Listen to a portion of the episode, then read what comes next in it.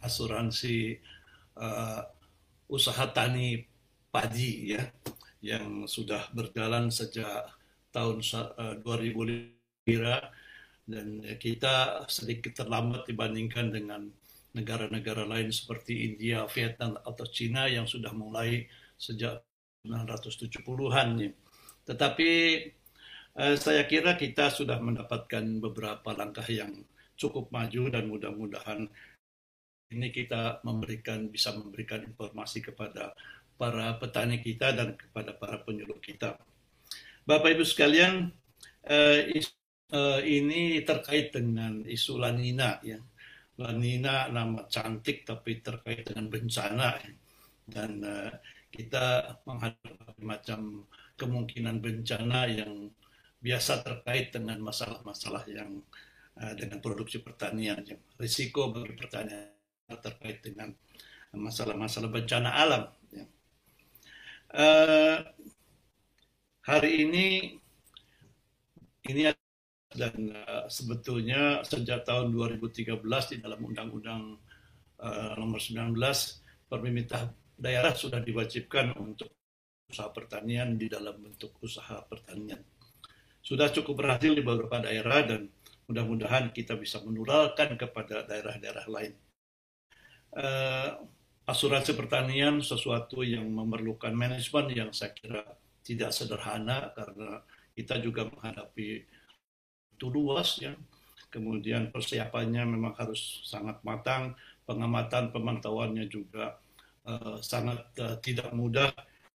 Uh, tentu saja memerlukan orang-orang uh, yang sangat kompeten untuk itu.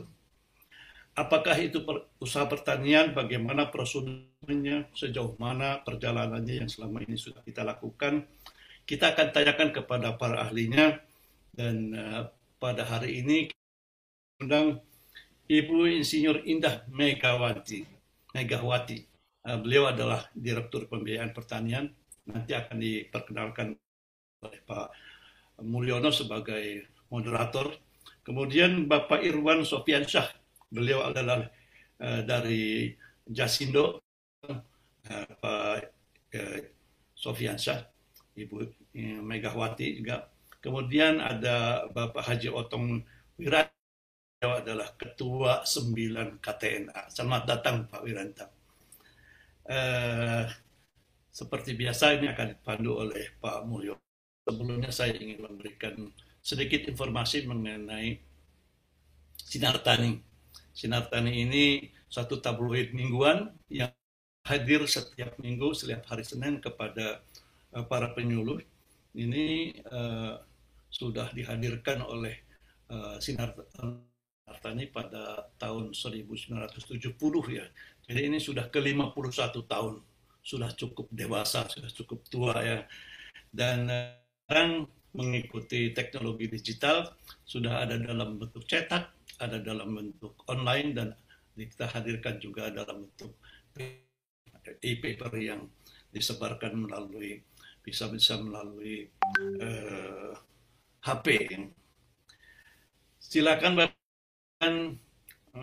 untuk klik, untuk subscribe dan share ya. Di sini bisa melalui TV Tani, bisa melalui Facebook, uh, YouTube ya. Jadi banyak bahan informasi yang bisa dilihat di situ dan semuanya adalah informasi yang sangat bermanfaat. Terima kasih atas kehadiran dan kami bangga dari Sinar Tani menjadi host untuk acara ini. Selamat berdiskusi dan silakan Pak Mulyono. Terima kasih Pak Mehmet. Bapak Ibu yang kami hormati, Assalamualaikum warahmatullahi wabarakatuh. Waalaikumsalam. Kita di FGD mingguan kita, Sinar Tani. Uh, kali ini kita akan menambahkan topik yang sangat menarik saya kira ini, yaitu lanina datang, asuransi pertanian diharapkan membuat tenang. Nah, pada kesempatan ini eh, tentunya yang paling berkompeten di Direktur Pembiayaan, Ibu Indah, mudah-mudahan sudah masuk ya Bu Indah ya. Diwakilkan Pak Santosa itu Pak. Oh Pak Santosa Ya, nanti dari Jasindo, Pak Irwan, dan dari KTNA, Pak Otong. Pak Otong ini ketua 9 atau 11 ya dari KTNA, dan dia juga ketua KTNA Jawa Barat, kalau tidak salah. Baik, Bapak Ibu sekalian, uh, mengawali dari sesi ini, kita bentuknya ini saja uh, semacam talk show lah, jadi interaktif. Dan mohon maaf kalau di uh, pembicaraan saya potong, saya coba di, uh, dikonfirmasi dengan yang lainnya. Silahkan dari Direktorat Pembiayaan, kalau sudah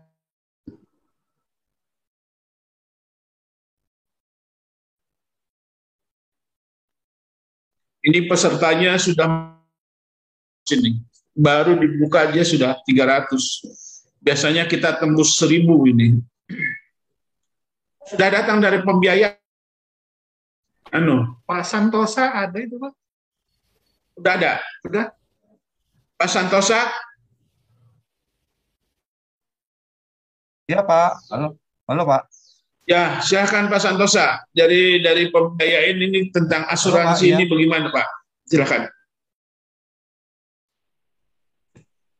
Silakan Pak Santosa. Halo, Assalamualaikum.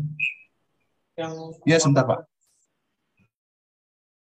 Yang memaparkan rencana Ibu Direktur Pak. Ini sedang um, oh, belum masuk. Dikondisikan dulu sebentar.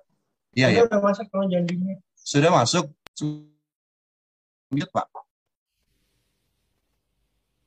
Langsung aja dibuka Pak mute-nya Ibu Direktur sudah masuk. Um, ya. sudah sudah masuk. Sudah sudah oh, hadir ya, Pak. Ya.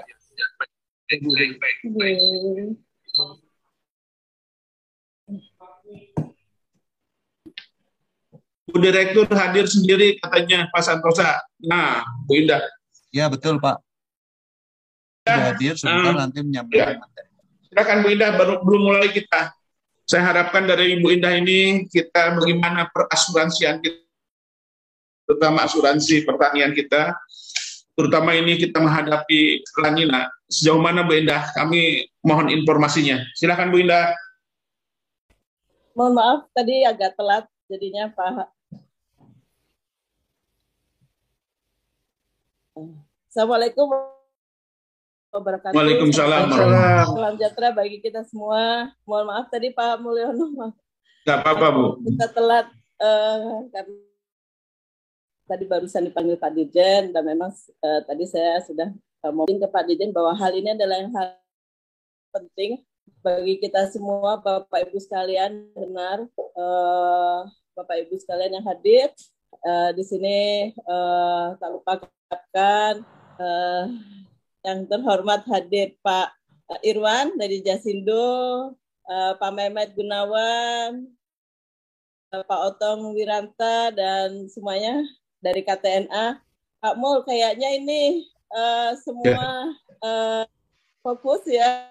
Memang ini uh, kita tahu uh, iklim kita ya saat ini ya, Pak. Yang yeah. di G20 juga Presiden mengatakan uh, iklim ekstrim dan kemarin uh, dari kami rapat dengan uh, DPR dan juga dari uh, Pak Menteri Pertanian uh, mengatakan oke okay lah dalam dua uh, dua bulan tiga bulan ini kita masih tenang Pak tetapi nanti setelah ini Pak bulan-bulan Maret Mei kita akan menghadapi uh, kemarau bisa kemarau panjang dan sebagainya ya Nah inilah uh, dan juga saat ini bulan Desember, Januari, kita tahu Pak yeah.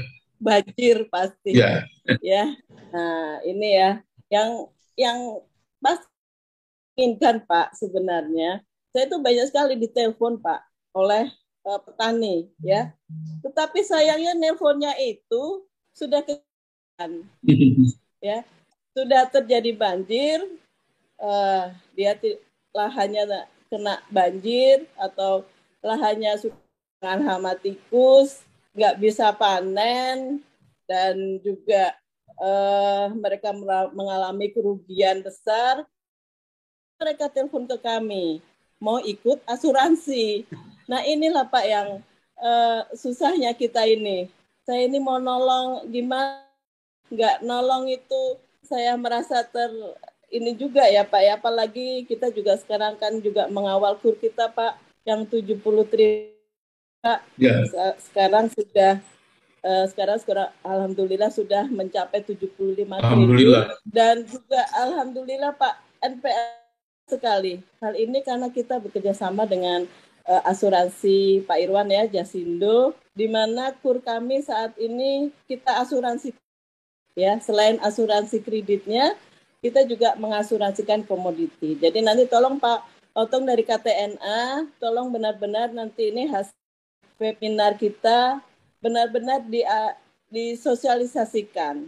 Ya, ya Pak, mulai memang uh, kami uh, dari eh, DPR juga kemarin mengatakan Budi tolong itu di benar-benar disosialisasikan mengenai asuransi ini karena banyak sekali masyarakat yang tahu Pak mengenai ini. Jadi sudah kejadian, sudah kena banjir, sudah kena hama, baru mereka meminta kepada kami untuk uh, me, mengasuransikan uh, tanamannya apa uh, me, bagaimana tanamannya bisa dapat uh, penggantian. Udah berapa tahun Bu Bu Direktur asuransi pertanian udah berapa tahun ini? Asuransi pertanian kita kan sudah lima tahun ya. Pak. Iya, ngomongnya itu pilot project terus. Saya ini juga sebetulnya saya juga sedang berjuang Pak Mul. Nanti tolong yeah. saya juga Pak Mehmet ya. Uh, saya juga ingin dengan nanti dengan Mbak Penas bekerja sama dengan tolong uh, nanti ke Pak Anang untuk asuransi kita naik kelas ya, ya. jangan uh, seperti ini terus ya. Berapa hektar Karena, Bu Direktur? Berapa hektar sekarang? Sekarang masih satu juta hektar. Oh Pak. ya masih satu juta hektar belum naik kelas. Bahkan uh, Pak Dirjen menginginkan asuransi kita itu nantinya bukan hanya satu juta, nggak nendang kata Pak Dirjen ya, kata Pak Menteri juga nggak ada kelihatan Budir efeknya. Nah kalau bisa dinaikkan menjadi eh, tiga uh, juta hektar ya. Nah ini yang uh, saat ini kami bagaimana uh, model yang memang supaya petani tidak terberatkan. Nah sekarang uh, bayar 30 ribu aja ya susahnya minta ampun. Padahal itu juga 36 itu uh, harga harga rokok aja sekarang sudah berapa ya yang 50 ribu ya itu aja tiga puluh enam ribu yang 180 udah kita subsidi itu susahnya minta ampun ini ya. sudah masuk RPJM ya, ya Bu ya sudah masuk RPJM ya. Hmm. Jadi uh, ini adalah asuransi ini kan uh, kita adalah penugasan ya Pak ya.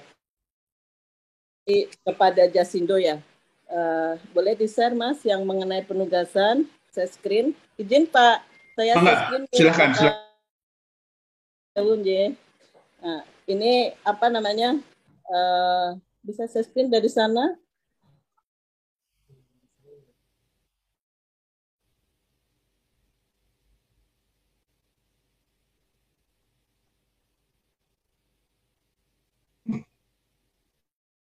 Kawan bisa di-share kan? Ya,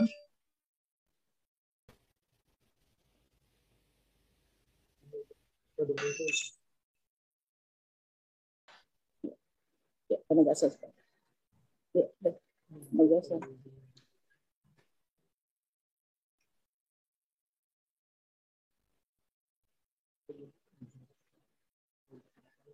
Sudah kelihatan? Ya, proses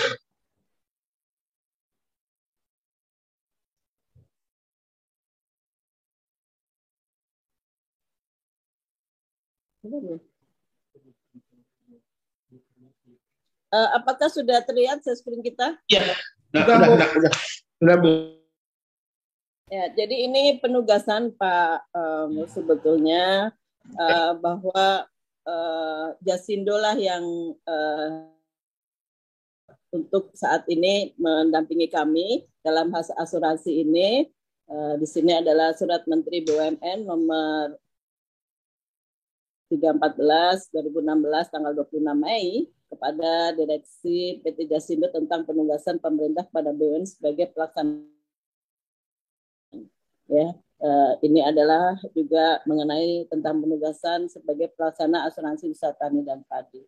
Nah,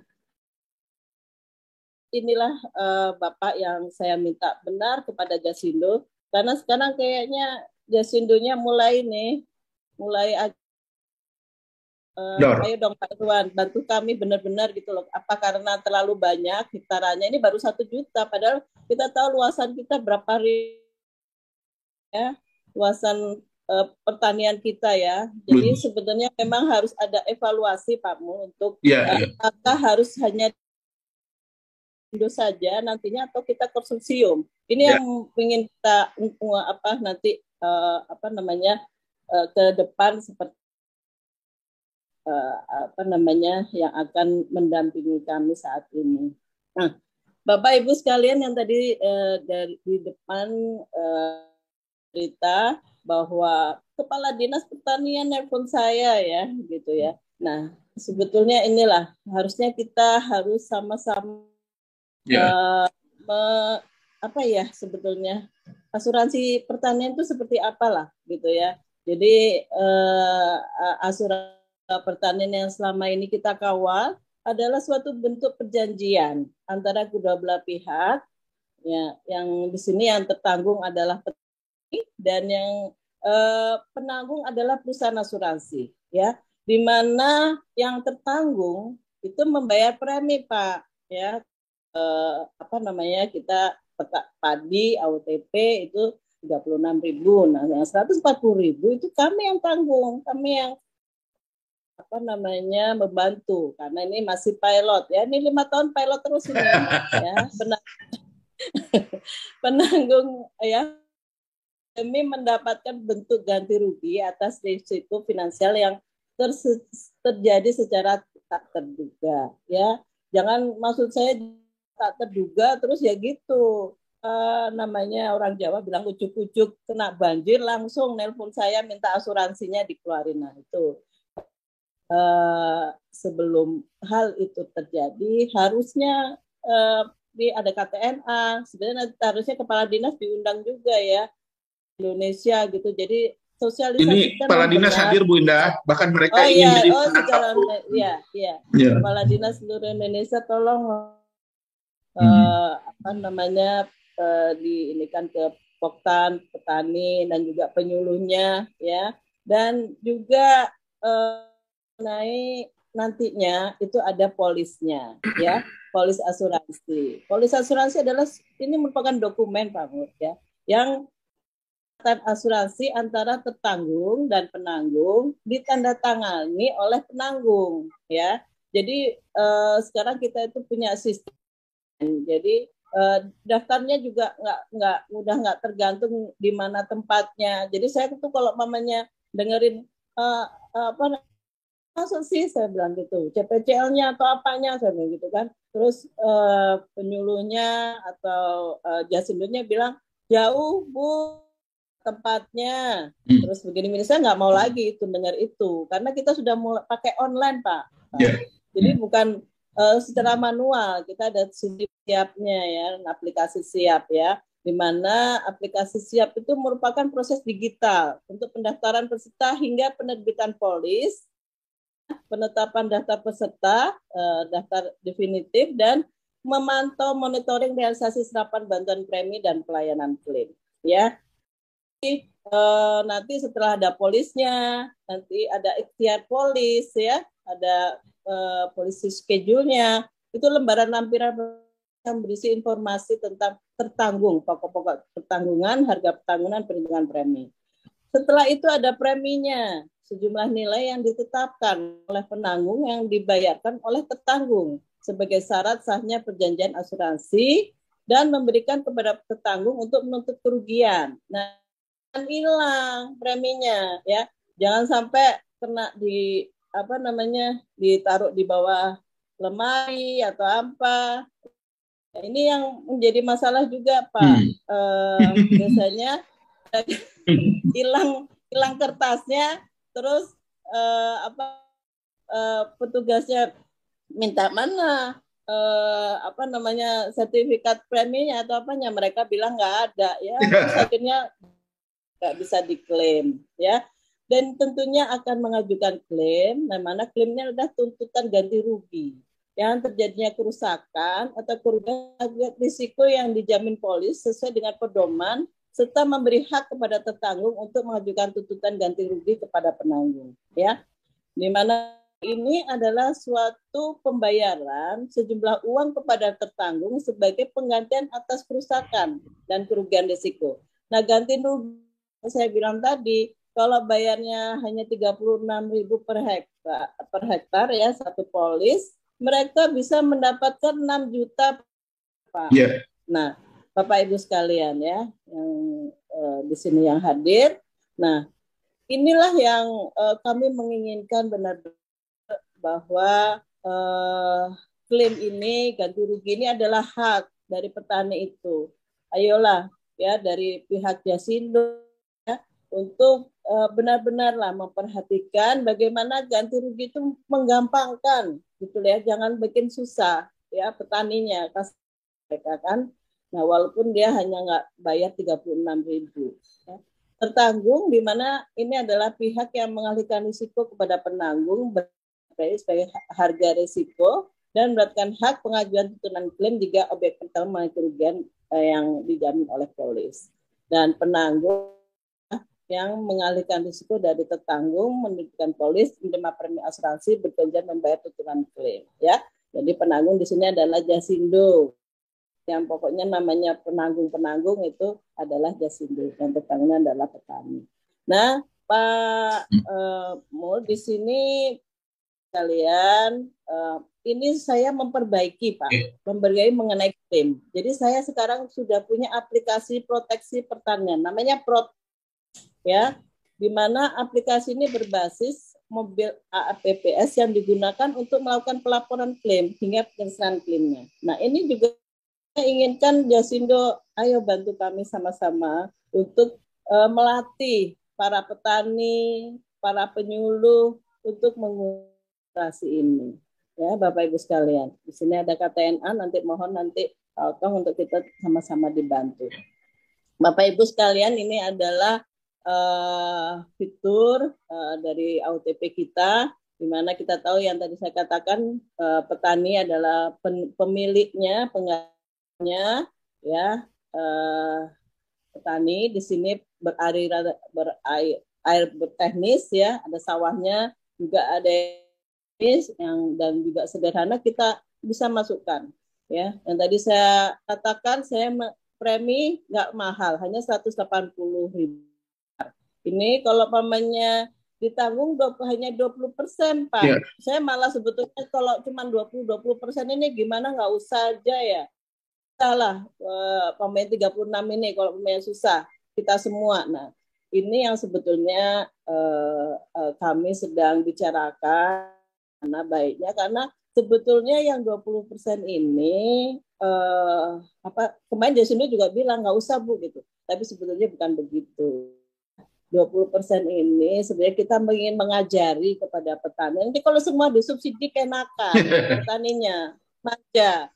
Ya, lama-lama subsidi semua. Padahal kita tahu Pak, kemarin kita kan unggaran kita dari Kofusing semua Pak. Ya, hmm. uh, untungnya kami uh, dari Direktur Pembiayaan diminta oleh Pak Menteri mengawal terus pembiayaan lain di luar APBN yaitu uh, dengan KUR dan juga dengan apa uh, Umi kita juga ada dengan Jakat sekarang banyak Pak Mul uh, eh, yeah. apa uh, berbagai pembiayaan kami. Nah, ini bantuan premi kita sekarang 80 persen, ya, 144 ribu. Ya, yeah. uang saya ya 144 saya itu ngasih subsidi itu hampir uh, 400 miliar lebih Pak yeah. untuk asuransi tolonglah ya eh, apa namanya petaninya Bapak Ibu yang penyuluhnya ya membantu kami itu semua dan tentunya eh, eh, kami lakukan agar terjaga eh, kita mempunyai eh, peningkatan hasil di mana yang kita tahu ganti rugi kita 6 juta per hektar ya.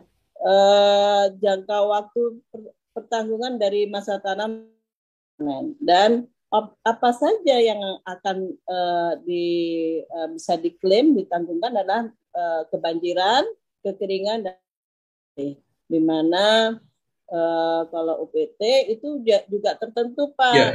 Jadi uh, nanti di apa namanya supaya uh, 6 juta jadi ntar uh, dia uh, aneh-aneh yang dimasukin. Ya, jadi ini sebenarnya sudah ada dari pedum kami ada peng batang coklat, walang sangit, tikus, ulat, ulat geraya, keong mas, ya. Kalau penyakitan namanya blas, bercak coklat, tukang, kerdil, hampa, kerdil rumput, dan kresek, ya.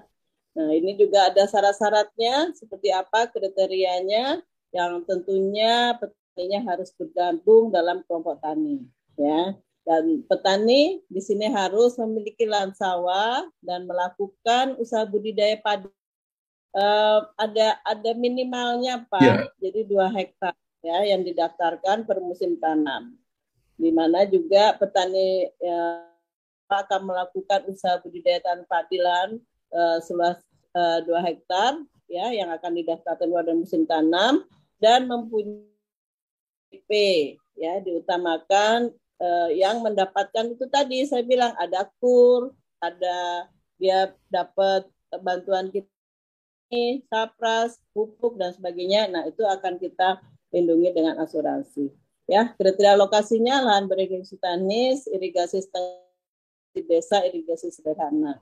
Ya, ini masih yang irigasi-irigasi Pak yang diinikan dan juga ada karena jasindonya nggak mau rusak. Hmm. Nanti kalau kebanyakan klaim mereka rugi nggak mau deket dengan kami lagi ya biasa kan BUMN nggak mau nggak mau rugi kan kebanyakannya maunya untung kemarin saya diklaim sama uh, Jasindo dia bilang ah, saya lebih seneng uh, kalau kerja sama asuransi bank katanya gitu hmm. kalau sama petani pertanian banyak ruginya katanya gitu pak yeah. nah, makanya saya ya uh, kita uh, apa uh, benar-benar ini uh, kepala dinas semuanya ayolah kita uh, mau apa mulai dengan pemakaian benih yang unggul, pupuk yang baik ya. Lagi sekarang kita sudah mulai Pak mengurangi uh, pupuk-pupuk kimikal ya. Itu uh, pertanian organik kita yang lebih sehat. Ya, ini juga yang ini lahan rawa, pasang surut, lebak, dan memiliki air yang bersih dengan yang lahan sawah tada hujan yang tersedia sumber-sumber air permukaan atau air tanah. Ini adalah mekanisme pendaftaran asuransi. Saya nggak usah ini bagaimana. Di sini ada Pak Iwan dari Jasindo, nanti banyak beliau akan uh, memberikan uh, apa masukan mengenai mekanisme pendaftaran. Dan tentunya karena kita uh, mempunyai sistem siap, uh, pastilah PPL ya harus berfungsi mendampingi petani ya dan juga BPP melakukan juga UPTD juga melakukan verifikasi datanya, merekapnya. Dan di sini uh, nantinya Jasindo akan turun ke lapangan, akan melihat, memverifikasi, membuat polis ya, dan tentunya setelah itu diterbitkan SK DPD dan berkas tagihan lengkap dan akan tentunya Kementan melakukan pembayaran bantuan premi 80% kepada perusahaan transportasi ya. Nah, ini eh, kami tolong kepada Jasindo lah untuk kita sama-sama terus menyerap eh, mengenai pem, uh, asuransi ini ya. Nah ini adalah syarat klaim ya, ganti rugi seperti apa ya, kan bahwa ada ketentuannya untuk klaim ini ya. Saya juga sering di dieluhkan oleh uh, oleh penyuluh, oleh dinas. Budir itu banyak sekali klaimnya nggak dibayar. Nah ini ini yang belum sama se se se ini gitu ya sependapat biasanya mereka kalau udah kan saya sudah bayar 36 ribu kan saya sudah ada polisnya ini. Tetapi bisa aja pas waktu terjadi kejadian itu ya eh, padinya itu kiranya ada masanya ya ya. Jadi umur padi yang sudah melewati eh, 10 hari setelah tanam ya terjadinya. Uh, di mana juga uh, umur padi yang sudah melewati 30 hari setelah pemotongan ya yang baru pada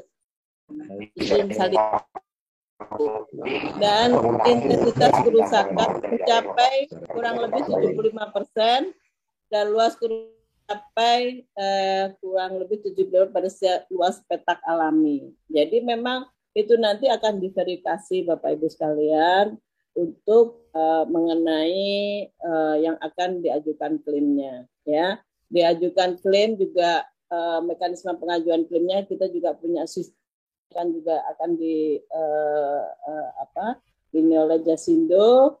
Uh, mekanisme pengajuannya juga sebenarnya nggak susah karena kita sudah punya rotan tadi itu. Dan tentunya petani pasti harus uh, didampingi oleh PPL POPT ini akan memverifikasi dulu mengenai bagaimana kejadian ya yang terjadi eh, bagaimana kerusakannya. Dan tentu akan melaporkan kepada Jasindo dekat dan PPL menyampaikan pemberitaan klaimnya mengisi formnya ya ini inilah eh, hal-hal prosedur yang seperti ini yeah. Pak Mur yang membuat eh, apa biasanya telat gitu loh ke apa si asuransi mempunyai tadi itu yang tiga uh, apa hari harus mulai harus diklaim terus dan sebagainya.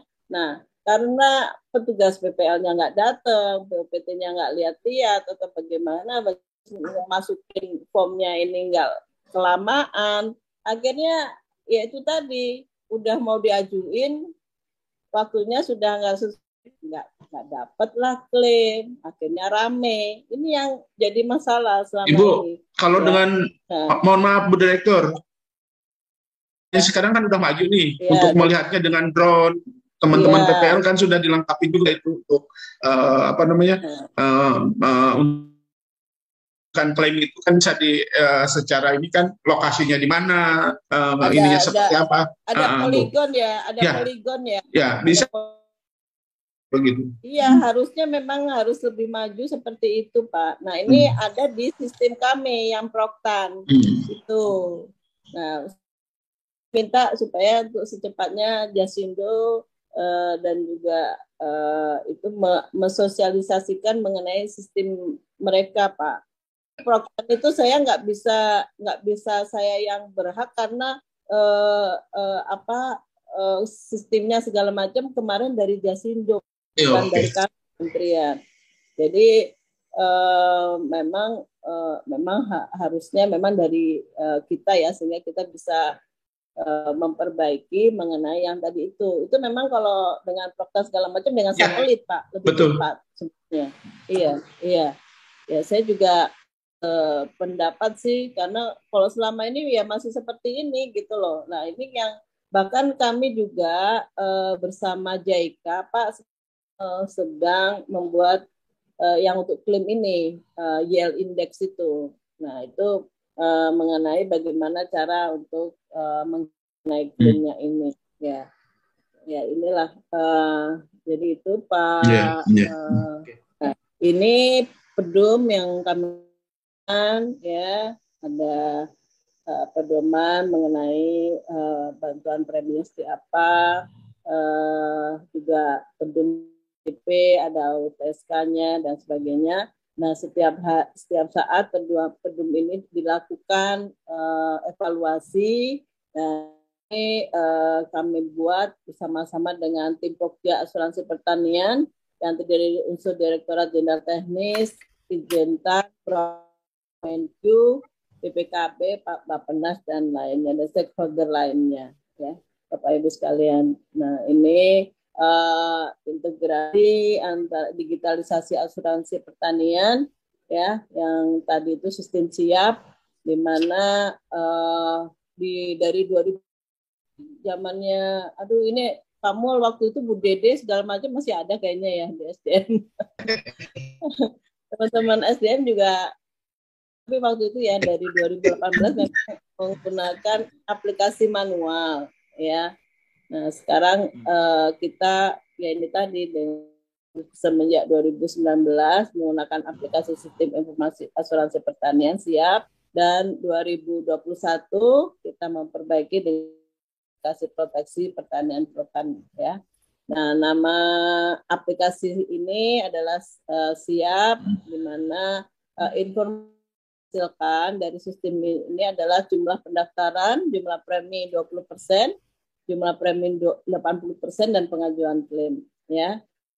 Ini uh, kita penggunanya adalah Kementerian Pertanian, Dinas Pertanian Provinsi dan Kabupaten uh, Kota.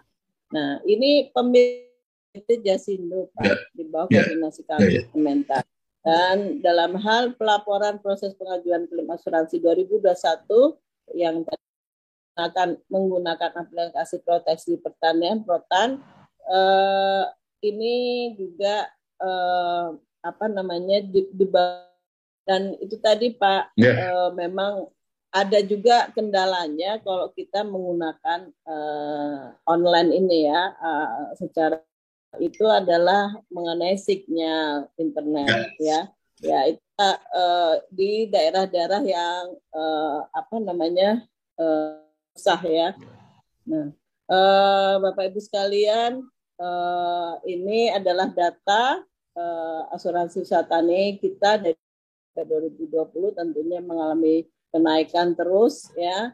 Nah, dan juga provinsinya bertambah yang dulunya hanya 16 provinsi, 8 provinsi. Jadi belum 34 provinsi Pak. Yeah. Uh, Pak ya.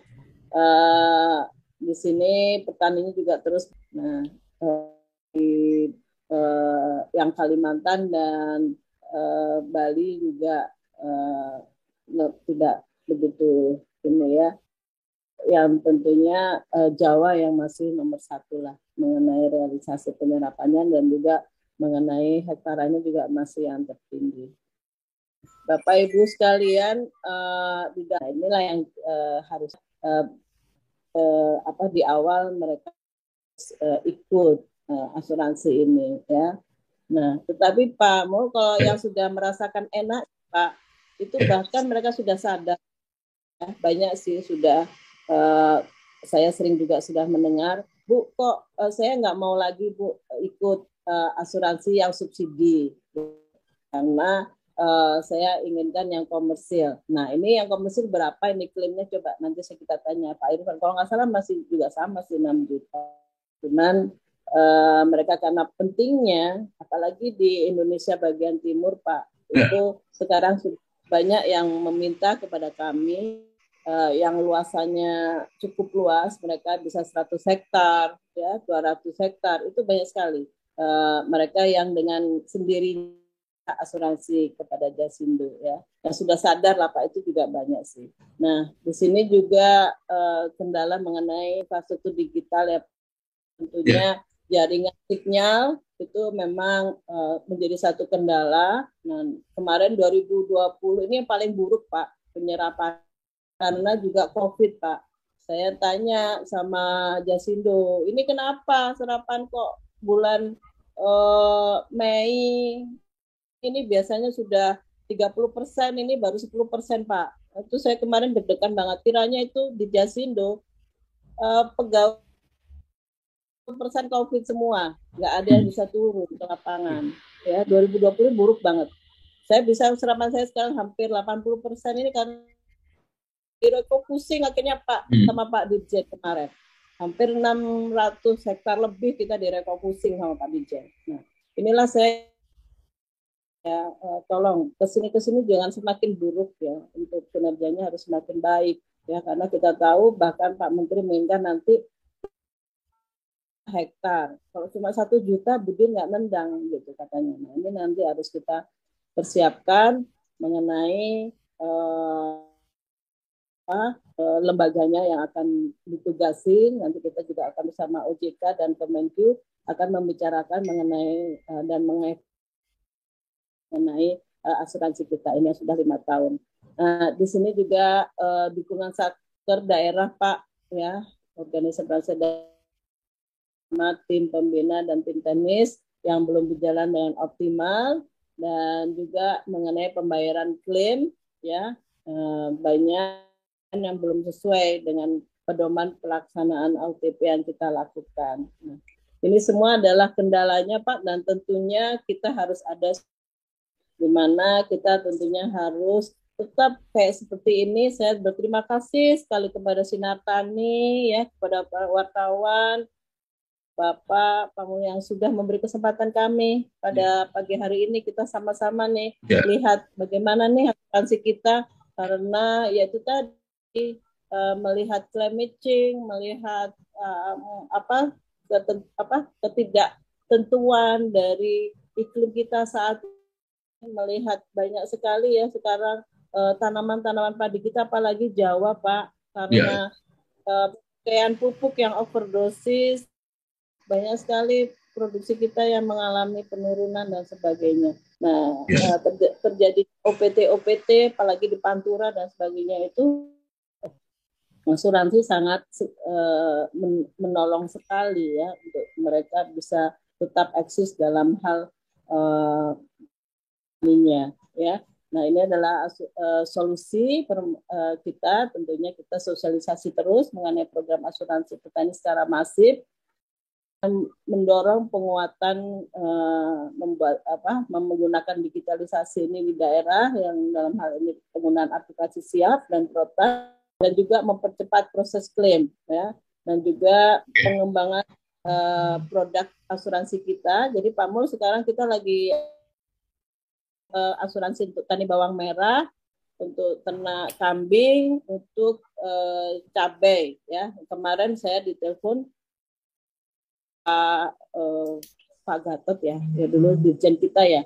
Itu yeah. Ya. uh, beliau menginginkan asuransi kopi, coklat dan uh, juga uh, uh, apa uh, perkebunan lainnya. Nah ini yang memang saat ini bahkan sekarang kur kita Pak macam-macam sekarang ada porang ada uh, apa namanya sarang burung walet ada oh, pokoknya segala macam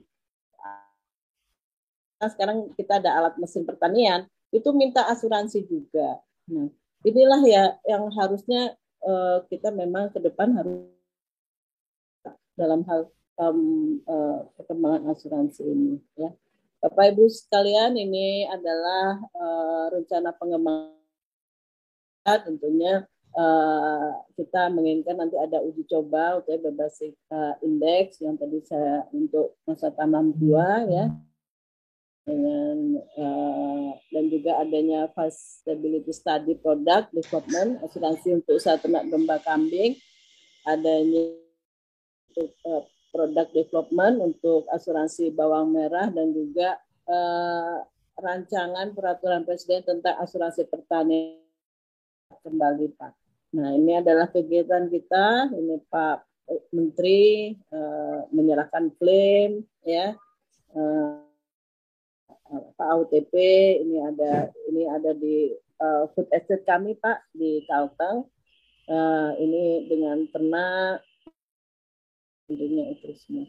Jadi Bapak Ibu sekalian uh, itu adalah tadi sosialisasi kami mengenai perkembangan mengenai bagaimana asuransi kita ke depannya tentunya kami Direktorat Pembiayaan ingin sekali ya bersama-sama benar memikirkan ini juga ada Bapenas, ada dari KTNA dan semuanya.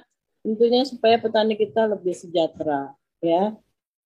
Padinya uh, tanaman padinya ternaknya bisa terlindungi dengan baik ya. Dan uh, kami di sini Direktur Pembiayaan ingin bersama-sama agar uh, semua bisa dapat kita lindungi tanaman kita bisa tetap uh, berproduksi bisa tani dengan baik dan tentunya produksi akan tetap meningkat dan apa pun kejadian ada di dalam uh, Eh, ke dalam kita berusaha tani, kejadian iklim dan sebagainya dapat kita tetap bersama dengan berasuransi ya. ya. Dan Jasindo di sini uh, adalah mitra kami. Kami menginginkan adanya perbaikan dengan lebih baik. Terima baik, kasih. Bu Enda. Kita, kita maju mandiri. Terima kasih Bu Enda. Ini luar biasa memang tidak sederhana ya asuransi pertanian Ibu Direktur. Jadi kalau Ibu sudah sukses di aspek permodalan, terutama PUR asuransi juga harus harus harus sukses juga gitu ya. Jadi Siap. kami dari Sinar Tani bersama penyuluh, bersama KTNA, sama-sama kita mensosialisasikan ini apa namanya asuransi ini sehingga bisa naik kelas bu, bisa naik kelas dan manfaatnya bisa dirasakan oleh petani. Bu Direktur jangan pergi dulu Bu, nanti banyak pertanyaan nih kayaknya. Kan dulu ya. Eh, baik, untuk mempersingkat waktu saya mohon Pak anu ya Pak dari Jasindo, Pak Irwan, Pak Irwan, singkat Pak Irwan, nanti barangkali eh, bagaimana kata Bu Direktur, waduh, eh, menguntungkan nih banyak resikonya di pertanian, katanya lebih baik di tambang. Aduh, jangan gitu dong Pak Irwan. Jasindo di sini di sini ibadah ini untuk petani. Silakan Pak Irwan. Ya, makasih. Eh, sebelumnya, eh, Assalamualaikum warahmatullahi wabarakatuh. Salam sejahtera buat semuanya. Eh, sebelumnya saya sampaikan terima kasih yang sebesar-besarnya ya kepada eh, Sinar Tani ya yang telah kesempatan kepada kami hadir di acara webinar hari ini. Eh, ini kami appreciate sekali Pak eh, diberikan kes Kemudian juga kami juga pengen menyampaikan penghargaan yang sebesar-besarnya kepada Ibu Indah selaku Direktur Pembiayaan ya. Karena hampir ini tahun kali ya kita dipercaya menjadi pelaksana asuransi pertanian. Jadi eh, mudah-mudahan sih ini tetap kepercayaan ini tetap terus eh, terjaga ya. Iya, eh, Pak Mulyono, eh, sebelum saya menyampaikan eh, dari Jasindo ya, mungkin cerita sedikit ya eh, terkait kepercayaan ini kepada kami ya. Jadi eh, mungkin bapak-bapak ini eh, mau cerita sedikit. Jadi lima tahun ini ternyata memberikan pengaruh yang besar pada kami ya Pak ya, Iya. terutama para karyawan karyawan di Jas. Beberapa ke- teman-teman kami itu sudah mulai ikut eh, masuk ke dunia pertanian gitu. Ya, luar biasa ini. Nah, iya. Jadi ada ada ada yang sudah mulai eh, ikut di tanaman itu padi, kemudian di bawang, kemudian di porang, kemudian di peternak, di peternakan sapi, kambing dan sebagainya gitu. Jadi Kalau eh, kita naik kapal kan harus ada KTP 2 ya. ini memang memberikan pengaruh besar buat kami gitu, baik secara terus eh, pribadi. Baik Bapak Ibu, saya ingin memulai eh, apa yang bisa kami sampaikan terkait dengan tema kita. Eh, Oke. Oke. Tolong tuh ada suara anu, suara masuk Bu.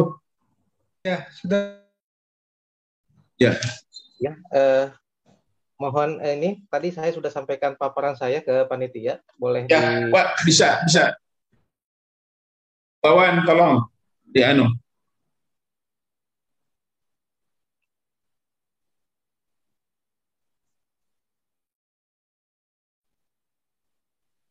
Jadi Jasindo gimana Pak? Rugi terus nangani pertanian atau untung Pak?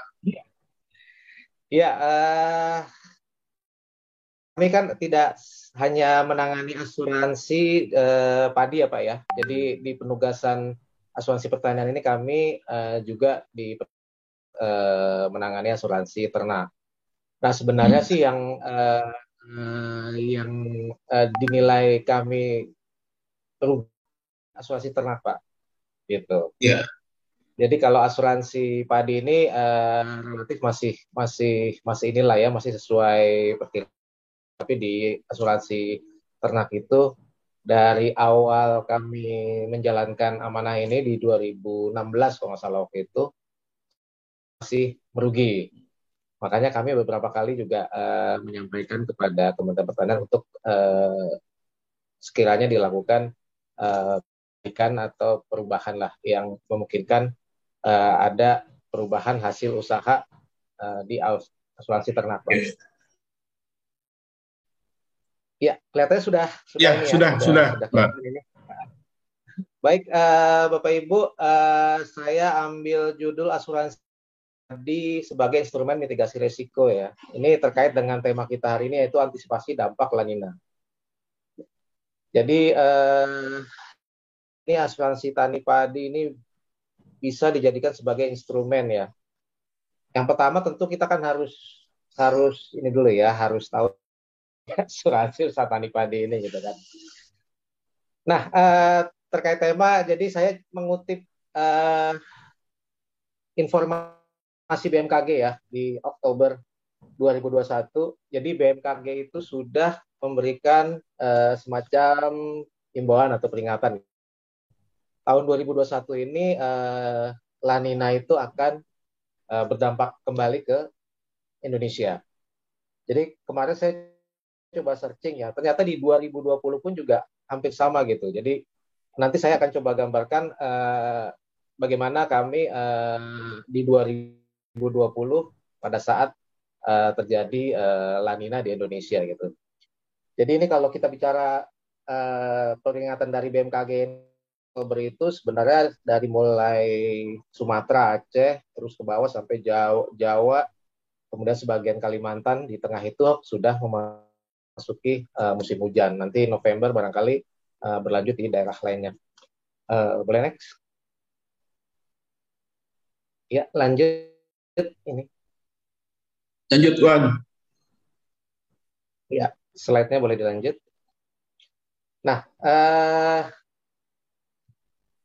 dampak lainnya ini apa sih yang paling berdampak nih bagi kita ini ya, terutama di dunia pertanian. Jadi, uh, menurut Kepala BMKG ini memang lanina yang uh, berdampak itu terhadap sektor pertanian dan perikanan. Jadi uh, itu kenapa uh, harus ada yang bisa digunakan untuk uh, menghadapi dampak lanina ini, gitu kan.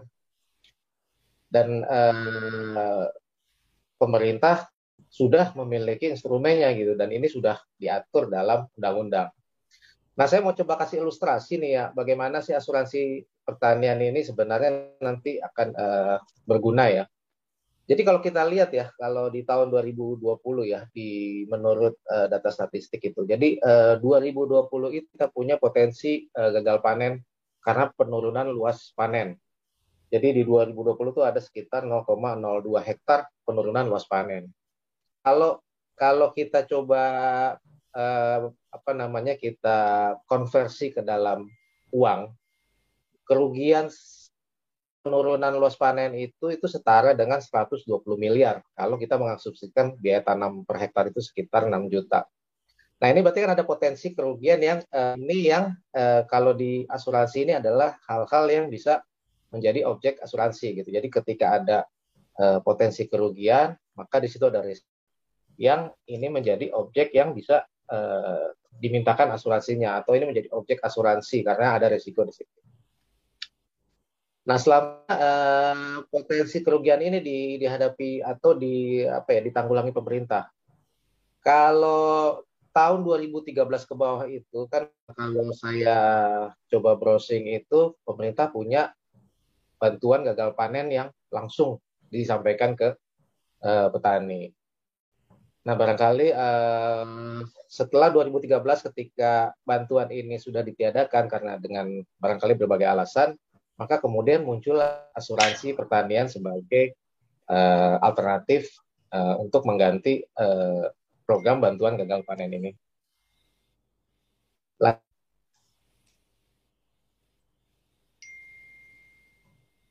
Next. Nah, uh, mengenai asuransi pertanian, jadi uh, orang sering berpikir asuransi itu uh, barang apa sih? Kemudian uh, benarnya uh, bahkan malah kalau ada yang bilang asuransi ini haram atau halal gitu kan? Nah ini saya uh, coba kutip dari undang-undangnya gitu. Jadi di Indonesia ini asuransi khususnya pertanian ini sudah diatur melalui undang-undang. Jadi uh, ini uh, kita nggak usah ragukan lagi mengenai uh, legalitas dan uh, apa ya uh, mengenai barang ini ini sesuatu yang legal, halal atau haram. Jadi pemerintah sudah menegaskan bahwa spasi pertanian ini adalah barang yang uh, uh, baik dan legal gitu kan. Dan ini tertuang di dalam Undang-Undang Nomor 19 Tahun 2013 menjadi strategi perlindungan dan pemberdayaan petani. Jadi asuransi itu masuk di uh, strategi perlindungan dan pemberdayaan petani di butir ke F. Jadi uh, pemerintah sudah petani memang menjadi bagian dari uh, langkah strategis pemerintah untuk menanggulangi uh, gagal panen di pertanian karena ancaman uh, iklim dan sebagainya. Lanjut.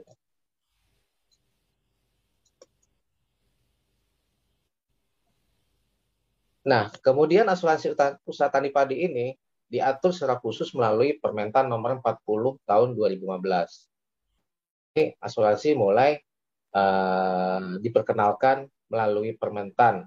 Di dalamnya uh, sudah diatur apa saja sih yang di cover dengan asuransi pertanian. Untuk asuransi usaha tani padi ini, uh, dia menjamin kerugian terhadap potensi karena kekeringan, kemudian banjir, kemudian penyakit dan hama. Nah ini sudah disusun tahun 2013 uh, eh, oleh Pokja di Kementerian. Kami pun juga sudah diajak untuk merumuskan uh, apa saja sih yang menjadi uh, cakupan jaminan ini.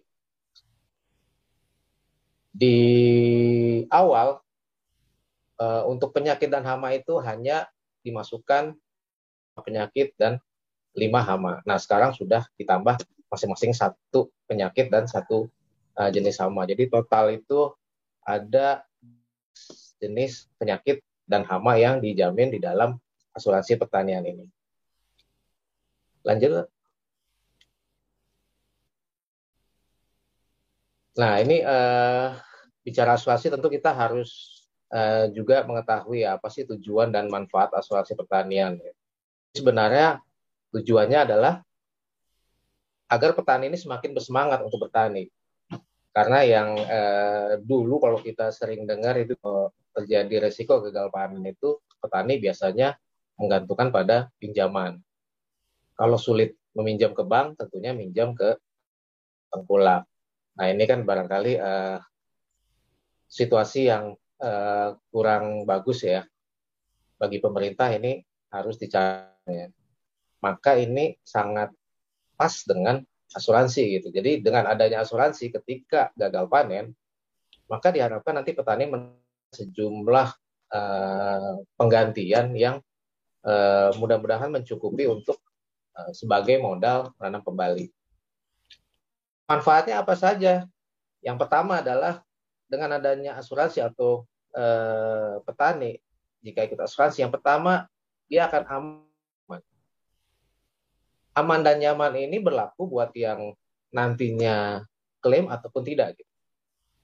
Karena pada saat awal ketika uh, ikut asuransi, tentunya kan ada uh, sedikit rasa aman dan nyaman. Maksudnya gimana?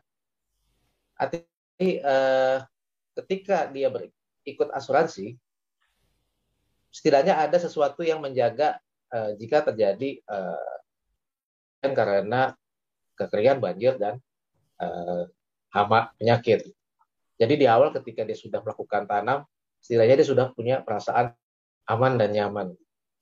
Ketimbang kalau dia tidak punya uh, asuransi. Artinya dia tinggal was-was paling ya berdoa sih. Secara spiritual paling selain ikhtiar asuransi berdoa. Jadi mudah-mudahan Eh, selama musim tanam ini tidak kejadian apa-apa. Tapi itu secara spiritual. Lalu bagaimana kalau secara uh, konkret atau uh, bisa dilakukan? Nah, asuransi inilah yang barangkali uh, salah satu ikhtiar yang bisa dilakukan petani untuk menjaga perasaan aman dan nyaman pada saat melakukan usaha tani.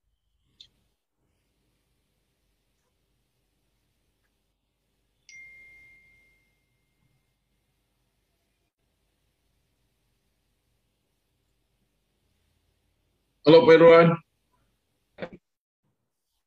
Jadi eh, petani pada setelah eh, melakukan tanam, kemudian ada terjadi gagal panen, ada asuransi yang nanti akan eh, mengganti. Jadi tidak perlu lagi meminjam eh, ke tengkulak.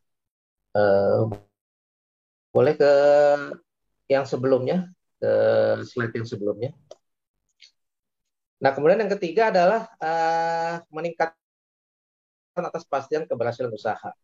Ya, uh, tentunya kan uh, ketika orang melakukan usaha padi ya, misal di sini dalam hal ini padi nih ya. Tentunya kan semua tidak berharap uh, terjadi gagal panen. Jadi uh, dengan ikut asuransi itu tetap usaha untuk melakukan kegiatan tanam itu harus dilakukan dengan baik. Dan ini biasanya selalu disampaikan oleh uh, perusahaan bahwa dengan uh, petani ikut asuransi itu dia tetap dianjurkan untuk melakukan uh, usaha tanam yang baik. Bahkan sepanjang periode asuransi asuransi itu akan melakukan monitoring gitu kan. Jadi ketika ada yang gagal panen dia akan melihat kenapa uh, terjadi gitu. Nanti dia akan berdiskusi nih dengan beberapa pihak yang terkait gitu kan. Apa sih yang terjadi dan apakah yang bisa dilakukan gitu. Jadi akan uh, semacam komunikasi dan koordinasi dari asuransi uh, ke petani melalui kelompok atau melalui dinas. Jadi akan ada uh, nanti semacam upaya-upaya uh, menghimbau bahwa setiap musim tanam itu harus melakukan cara-cara uh, yang baik Nah, lalu yang keempat adalah ini yang sering uh, apa ya namanya? Ini uh, biasanya kalau petani ingin mendapatkan kredit, tentunya kan biasanya pihak bank atau lembaga pembiayaan itu pasti akan meminta jaminan. Nah, biasanya yang diminta adalah sudah punya asuransi nggak? Gitu. Artinya asuransi ini akan uh, memudahkan akses petani kepada lembaga pembiayaan atau bank. Nah, lanjut.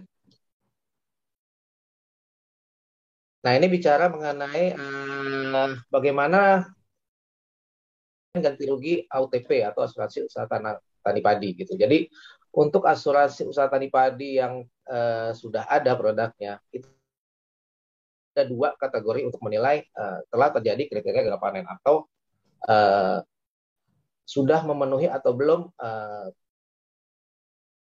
kerusakan ini untuk diajukan klaimnya. Jadi yang pertama uh, adalah uh, boleh diklik, mas.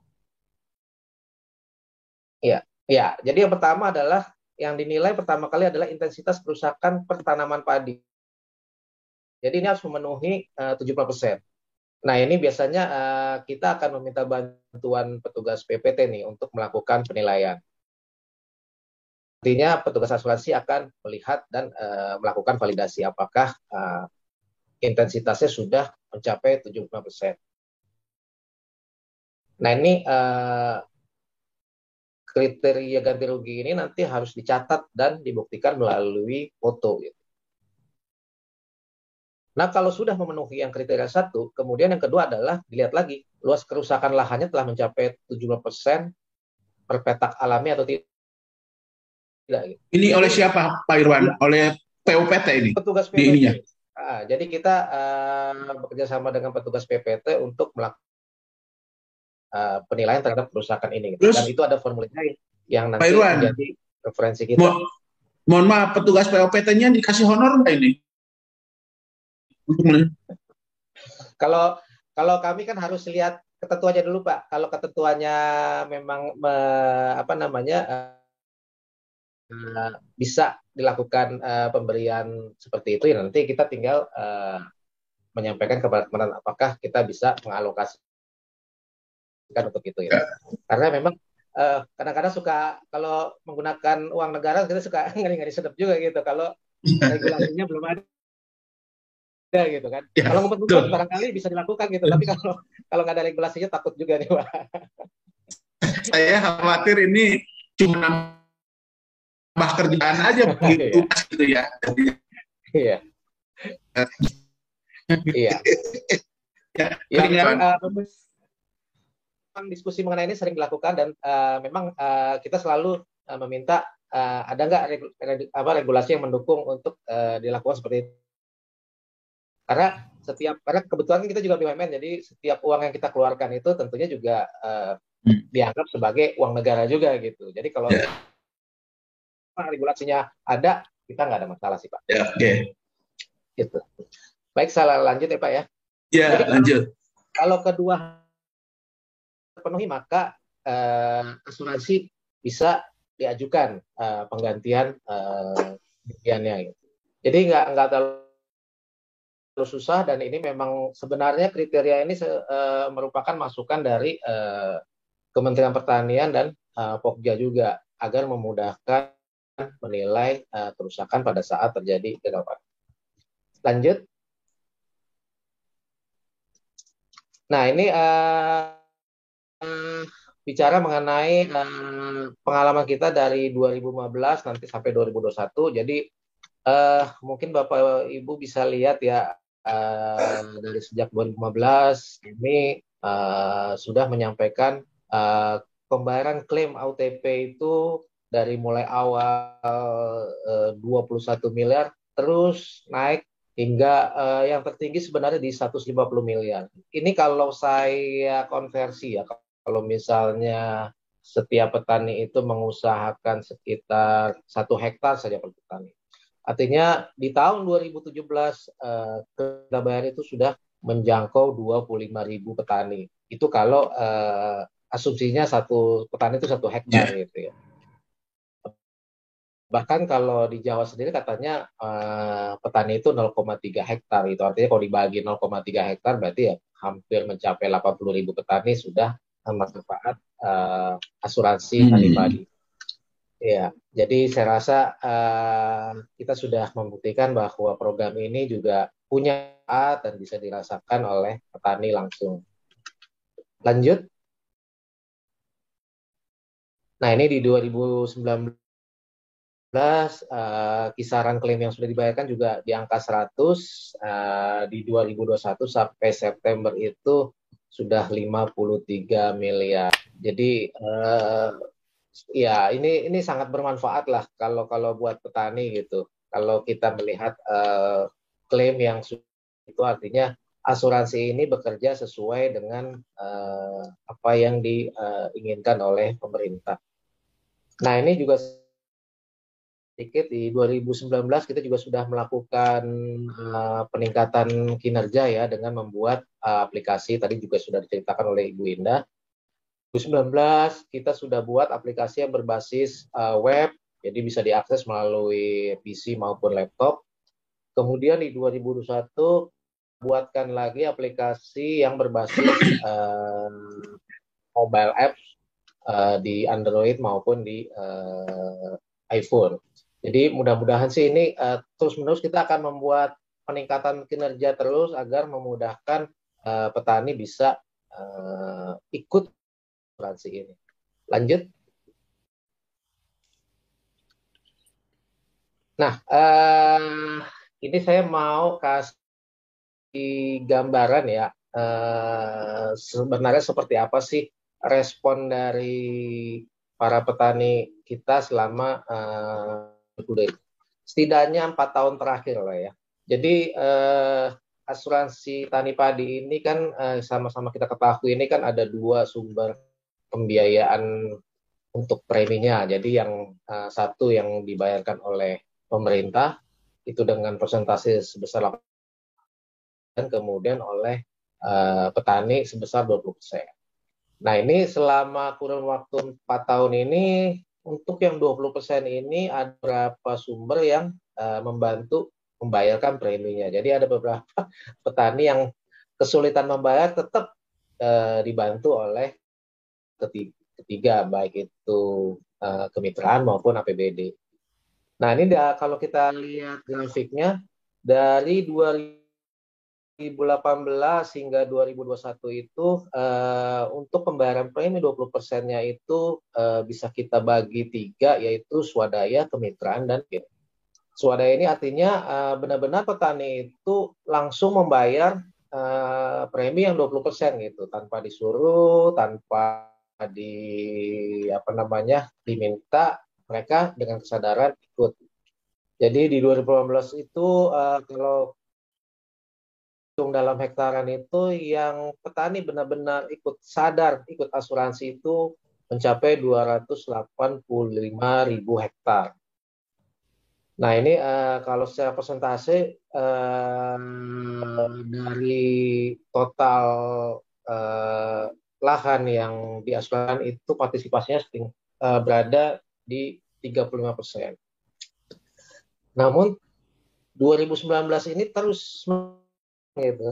Nah ini yang juga barangkali yang tadi sudah disampaikan bahwa ada kendala untuk uh, ya istilahnya uh, mengenalkan asuransi tani padi ini kepada petani itu. Jadi uh, tingkat partisipasi ini terus menurun sampai 2021 itu bahkan di bawah 20 persen. Mulai 2020 di bawah 20 persen. Jadi artinya um, ada apa ya? Barangkali ada masih belum percaya ya kepada asuransi. Ini mungkin bisa bisa dipicu oleh beberapa hal sih sebenarnya Misalnya kalau di asuransi itu yang pertama kali menjadi apa namanya kendala adalah benar nggak sih asuransi ini gitu kan bayar klaim apa enggak gitu. Walaupun sampaikan bahwa setiap tahun itu pembayaran klaim itu terus meningkat gitu. Artinya eh, di beberapa petani itu sudah merasakan manfaatnya. Tapi barangkali yang tidak tidak tidak pernah klaim ini akan sulit untuk eh, mempercayai apakah asuransi ini uh, benar Nah, saya ingin apa ya? Sebenarnya saya ingin mengajak sih sebenarnya. Asuransi ini sebenarnya tidak semata meruntuhkan kepada daerah-daerah yang uh, endemis atau potensi gagal panen saja sebenarnya. Karena ya tentunya kan secara alami kan kalau cuma daerah-daerah itu saja yang diasuransikan, uh, udah pasti asuransi akan mengalami kerugian karena yang dia adalah daerah-daerah yang potensi kerugiannya itu lebih besar.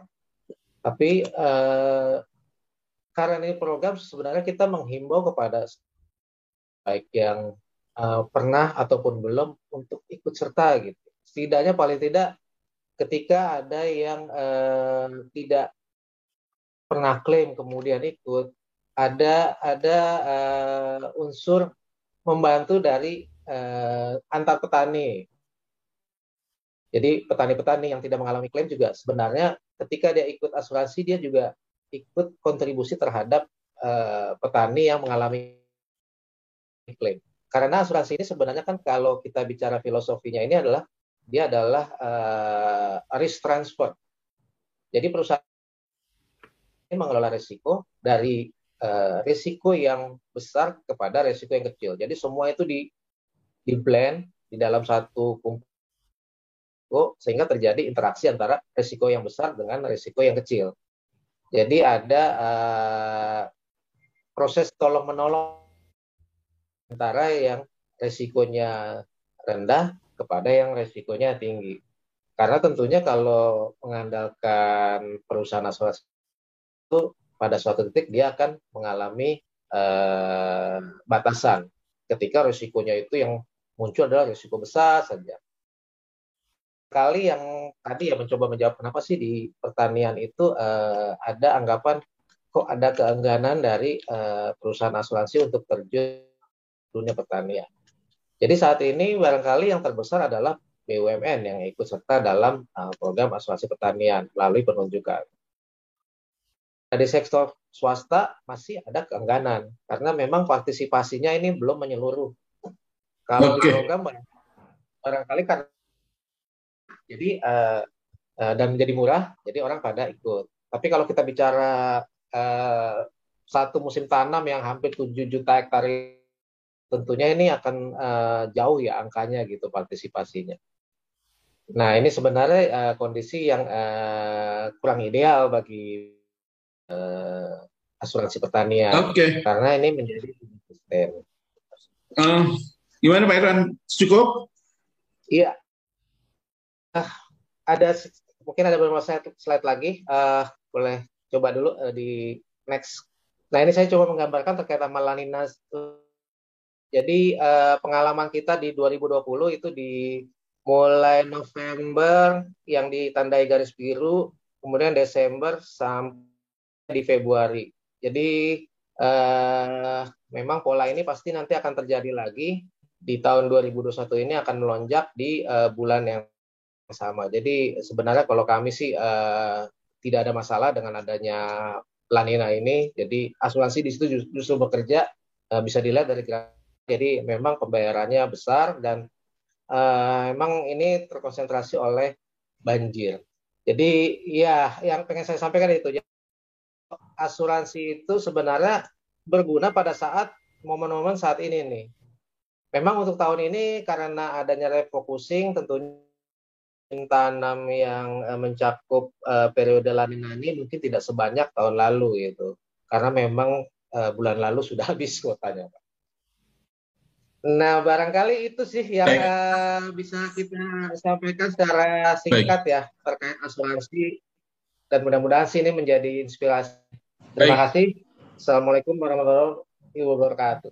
Salam, terima kasih Pak Irwan. Nanti ya. mungkin ada beberapa yang merespon ini dulu. Nanti kita uh, Pak Otong, Pak Otong. Ini kebetulan juga Ketua KTNA nah, Jawa Barat nih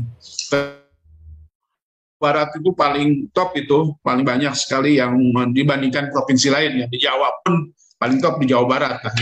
Gimana nih Mbak menanggapi tentang asuransi ini dari sisi pandang para petani? Silahkan, Potong. Terima kasih Pak Mulyo. warahmatullahi wabarakatuh.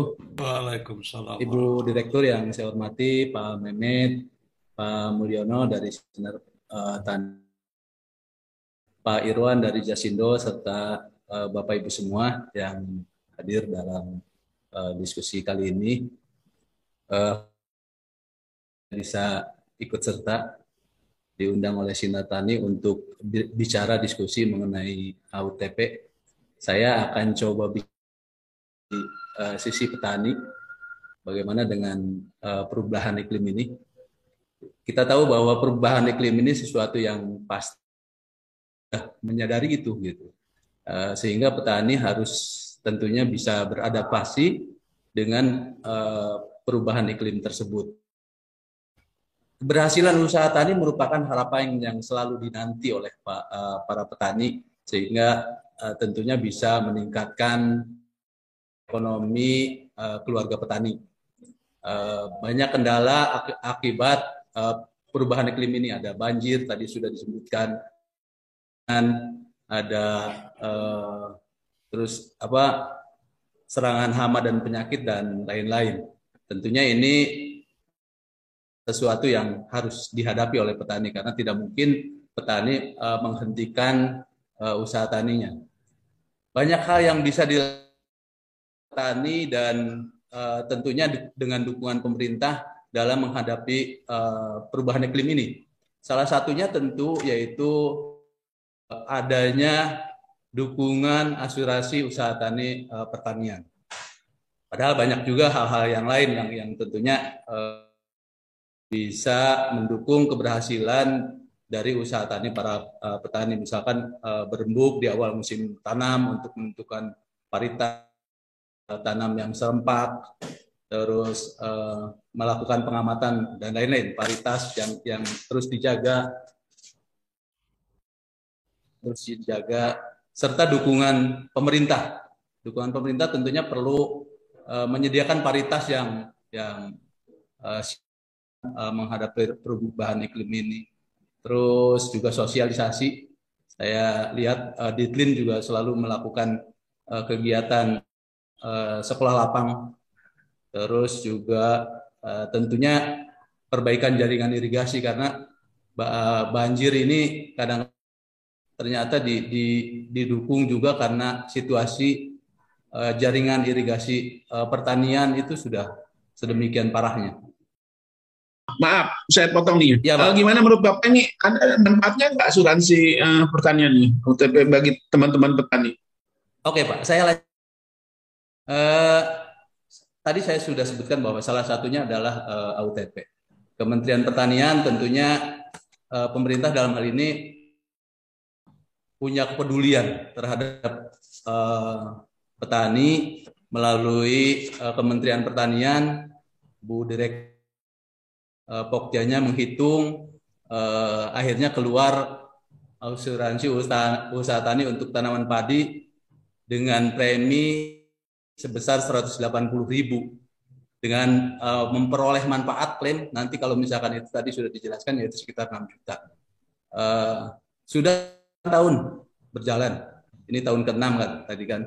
Uh, Kepmentan nomor satu kalau nggak salah uh, tahun 2021 yang uh, melalui UTP tahun 2021 ini itu jelas di sana disebutkan 180 ribu preminya uh, ditanggung oleh uh, pemerintah dalam 144 ribu. Petani swadaya itu 36 ribu. Mendapat klaim 6 juta kalau kakaknya sampai dengan 75 persen. Dalam pelaksanaan, dalam pelaksanaannya tentu ini sangat uh, bermanfaat sekali buat petani. Ya, ya? Apalagi dengan dengan situasi perubahan iklim yang terus uh, terjadi. Musim tanam, saya saya kebetulan di Jawa Barat. Jadi dulu musim tanam itu mulai uh, makanya ada istilah Okmar, Oktober, Maret gitu. Kayaknya sudah bergeser ke Desember, uh, Mei nanti mungkin gitu. Malah untuk uh, golongan-golongan tiga sekarang masih uh, golongan tiga masih belum panen. Nah, dalam pelaksanaannya banyak hal yang uh, tentunya tantangan Eh, di lapangan. Seperti apa? Karena terus terang saja saya termasuk yang di Jawa Barat aktif eh, pertanian eh, provinsi Jawa Barat dan Jasindo. Jadi di, di terutama untuk wilayah Bandung ada apa terima kasih banyak eh, sering turun ke lapangan jadi eh, kita sering komunikasi sering melakukan eh, sosial dan ada beberapa tantangan. Yang pertama itu saya mencatat ada sosialisasi yang perlu terus uh, dilakukan. Perlu terus dilakukan. Karena uh, kenyataannya di lapangan kadang-kadang masih terlupakan. Misalkan sekarang saat ini adalah awal musim tanam dan banyak uh, kelompok tani yang melakukan uh, kegiatan rembuk tani di tingkat kelompok untuk menentukan uh, awal mulainya musim tanam. Pada saat sosialisasi di sana, saya sempat beberapa kali ikut di kelompok tani, itu ternyata mereka banyak bicara mengenai air, banyak bicara mengenai varietas, banyak bicara mengenai tanggal tanam, tapi AUTP tidak disentuh. Berarti kan ini masih ada sesuatu yang uh, kurang gitu untuk uh, uh, sosialisasinya. Bagaimana sampai ke tingkat petani, sampai ke kelompok tani uh, lupa gitu. Nah, terus yang kedua petani masih belum uh, memiliki karena karena belum merasa sudah banyak disinggung. Tentunya ini uh, jadi uh, tantangan kita bersama bagaimana misalkan uh, menggugah supaya merasakan bahwa ini adalah uh, ada manfaatnya buat mereka. Yang ketiga masih adanya miskomunikasi administrasi pendaftaran dan klaim. Ini uh, mohon maaf Jasindo, uh, saya banyak di lapangan, banyak di lapangan. Jadi mereka banyak uh, uh, kenapa kenapa tadi belum merasa mem memiliki? Karena kadang-kadang uh, polis asuransinya saja yang mereka sudah daftar nggak nggak nggak pegang gitu. Bagaimana mereka bisa bisa uh, merasakan gitu? bisa memiliki. Polisnya saja tidak pegang. Saya coba telusuri. Uh, katanya ada di uh, penyuluh. Saya tanya penyuluh, buka. Enggak enggak tahu Pak Haji. Coba saya coba telusuri. Ternyata sekarang itu ada ada di ada di sistem. Jadi kalau misalkan mau download kalau tidak salah. Tapi uh, kita tahu. Mohon maaf, uh, bukan merendahkan uh, bahwa tingkat intelijensinya eh, misalkan umur saya di Jawa Barat saja saya cerita di Jawa Barat dari 36 eh 3 juta 600 ribu petani itu 65 persen di di di atas eh, 40 umurnya gitu apalagi itu itu total petani apalagi kalau misalkan di petani padi pasti di presentasinya lebih tinggi lagi dan uh, tingkat pendidikannya pun itu. Bagaimana mereka misalkan menggunakan Android dan lain-lain. Itu tentunya tantangan kita bersama untuk uh, terus mensosialisasikan ini. Gitu. Nah, dan satu lagi karena uh, tadi ada umumnya terutama petani padi itu sudah uh, sudah sepuh. Jadi mereka masih punya punya sifat mendengar dan merasakan itu baru baru baru percaya gitu. Jadi uh, mereka kalau baru melihat, baru mendengar mungkin masih ragu-ragu. Melihat tapi kalau sudah merasakan itu pasti mereka uh, baru merasa memiliki. Itu kan ada filosofinya Pak Karenge adalah Iya. Jadi, jadi itu orang Sunda Pak dengar, adalah melihat, nah, karaba, ya. KPK ya, orang Sunda Pak itu. Ayo rasana, karasaan itu juga asuransi itu. Itu Pak. Kebetulan kebetulan Pak Mulyono ini uh, dari Karawang jadi hafal betul nih film. ya, untuk uh, selanjutnya tentu uh, perlu langkah-langkah minat dan uh, menyadarkan petani akan uh, pentingnya AUTP. Saya mencatat ada beberapa hal yang yang perlu di, di yang pertama tentunya karena uh, tadi penyampaian informasi yang belum sampai ke tingkat petani, tentu tentu sosialisasi yang lebih intensif. Yang kedua mungkin uh, ini juga salah satu terobosan supaya uh, petani uh, tadi merasakan yaitu pendekatan program.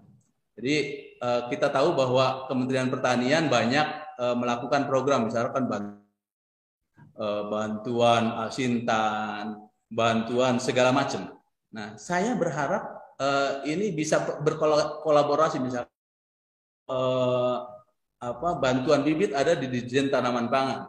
Bisa berkolaborasi dengan dir, Dirjen PSP karena dalam biayaan untuk kalau misalkan eh, petani yang menerima bantuan bibit diharapkan bisa ikut asuransi itu petani hanya membayar bu gitu. Sehingga eh, nanti pada saatnya kalau misalkan ada apa-apa bermasalah dengan pertanamannya minimal eh, bisa di eh, sebanyak 6 juta. Eh, Bu Direktur dengan eh, tim Pokjanya dan Jasindo sudah pinter nih hitungnya jadi 6 juta itu uh, usaha tani padi. Jadi saya, kalau saya boleh perinci kurang lebih pengolahan tanah itu satu juta setengah, terus uh, bibit bibit hanya sekitar lima ratus ribu, biaya tanam satu juta, pupuk sekitar dua juta dua juta setengah dan eh, lima ratus ribu itu untuk uh, cadangan uh, pemberantasan. Nah, yang kedua tadi pendekatan program. Selanjutnya yang ketiga yaitu menggali potensi kerja stakeholder. Ini juga saya pikir uh, sangat mungkin dilakukan karena banyak juga stakeholder yang berhubungan dengan uh, petani. Misalkan perusahaan pupuk, distributor pupuk, uh, apa ke, uh, perusahaan pestisida, bagaimana kontribusi mereka terhadap pelindungan petani. Nah, makanya saya kira Jasindo juga uh, perlu apa lihat kiri kanan untuk menggandeng untuk peduli terhadap uh, petani. Yang selanjutnya yaitu kepedulian pemerintah daerah. Ini juga uh, penting supaya uh, penyebaran asuransi ini bisa bisa lebih luas. Jadi misalkan di Kerawang pemerintah daerah mengeluarkan tahun 2021 ini uh, 10.000 hektar kalau tidak salah uh, untuk membantu AUTP ini. Sehingga penyebarannya akan lebih merasa merata dan nanti eh, otomatis petani akan tadi teh setelah mendengar, setelah melihat otomatis bisa merasakan begitu. Terus eh, Kabupaten Bandung, Kabupaten Bandung itu ada program siber di dalamnya ada eh, asuransi usaha tani sebanyak 5.000 hektar. Kabupaten Purwakarta itu eh, sekarang lagi menganggarkan Eh, kegiatan uh, asuransi ini. Nah, itu di antaranya. Yang terakhir, saya melihat kalau ke, kepedulian keberpihakan apa semua elemen masyarakat terhadap petani, saya yakin ya di tingkat paling bawah pun kepala desa bisa membantu karena dalam anggaran dana desa itu ada anggap bencana. Itu. Saya sudah bicara terutama di Subang dengan beberapa kepala desa dan abdesi. Abdesi itu asosiasi apa ya pemerintah desa atau apa gitu. Asosiasi kepala desa. Ya, itu untuk e, mereka mau menyisihkan, mau menyisihkan akan 100 hektar saja itu hanya tiga juta enam ratus. Padahal biayanya yang mereka sisihkan kurang lebih sekitar 7 sampai 10 juta. Mungkin untuk kepulauan yang lain. Mereka harus harus mau, terutama untuk daerah-daerah yang rawan bencana. Saya sudah komunikasi dengan Pak Bupatinya, kalau misalkan mau eh, komunikasi dengan kepala desanya mau, itu bisa digunakan. Begitu. Nah, ini ini tentunya eh, untuk mendukung eh, kondisi sudah lima tahun, tapi masih masih apa tadi Bu Bu Direktur bilang masih apa percobaan atau apa gitu. Pilot project. Ya. Ah, pilot project. Saya sudah sudah bisa uh, mandiri. Jadi nanti dengan dengan berbagai elemen tadi yang yang uh, coba saya usulkan dalam kesempatan ini, petani lebih banyak yang merasakan, lebih banyak yang merasakan. Gitu. Pak Otong, punten ya, saya potong ya, nih. Pak. Jangan anu tugasnya mungkin anu ya kurang kurang anu kurang kencang gitu ya. Jadi teman-teman penyuluh, POPT gitu ya. Ya gimana risiko takut juga dia kena juga gitu. Begitu, ya, begitu ini mereka mengklaim tidak dapat uh, anunya udah mereka ya ini dapat honor katanya terus boleh saya sampaikan Pak. masalah mungkin mungkin juga potongnya ini kira -kira. boleh saya sampaikan boleh saya sampaikan ya. jadi uh, uh, pertama penyuluh POPT satu kecamatan satu pak ya. uh, terus penyuluh itu harusnya kan pegang WKPP wilayah kerja penyuluh pertanian satu desa satu. Sekarang itu eh, rata-rata di atas satu desa apa mereka pegang. Belum lagi mungkin saya lihat ya kalau saya PP gitu eh, kerjaan administrasinya juga numpuk juga pak gitu. Dulu penyuluh dulu itu penyuluh kerjanya setiap hari keliling ke datang ke kelompok tani, datang ke petani gitu. Nah. Sekarang eh, kerjaan administrasinya juga numpuk gitu. Bikin laporan ya? Ya itu seperti itu. Saya, terus terang saja saya tidak bisa menyalahkan mereka uh, karena uh, banyaknya program dan lain-lain sehingga pada saat pertemuan ada mereka pun mereka mungkin lupa gitu Pak menyampaikan. Apalagi mohon maaf misalkan seperti Pak Mulyono tadi sampaikan mereka juga tidak dapat honor gitu. Juga uh, apa secara fisiologis mempengaruhi mereka sehingga pada pada saat jalan mereka dalam benak harusnya gitu. Tapi kenyataannya sekarang uh, tidak tidak seperti itu. Itu saya kira Pak. Ya, uh, ya. Terima kasih Pak Tom.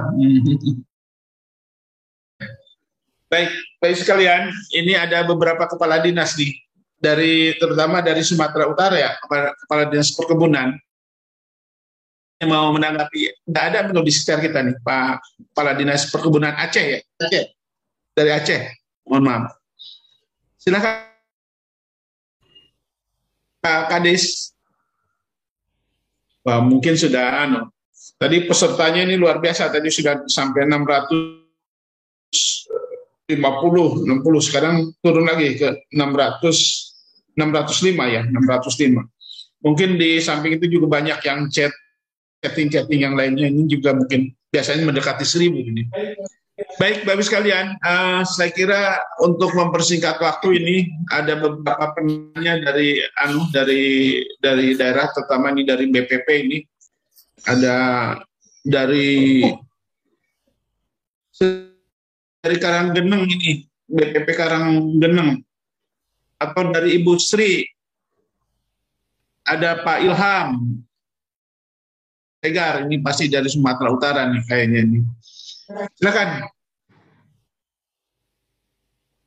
Mohon dihitungnya apa namanya uh, yang mau respon? Ya, mute. Ini dari silakan Pak Ilham. Kondisi Pak. Pagi. Silakan Pak Ilham. Gini Pak, ingin tanya apakah semua bisa mengklaim PK itu Pak atau harus ada dulu MOU bank dengan dinas terkait Pak?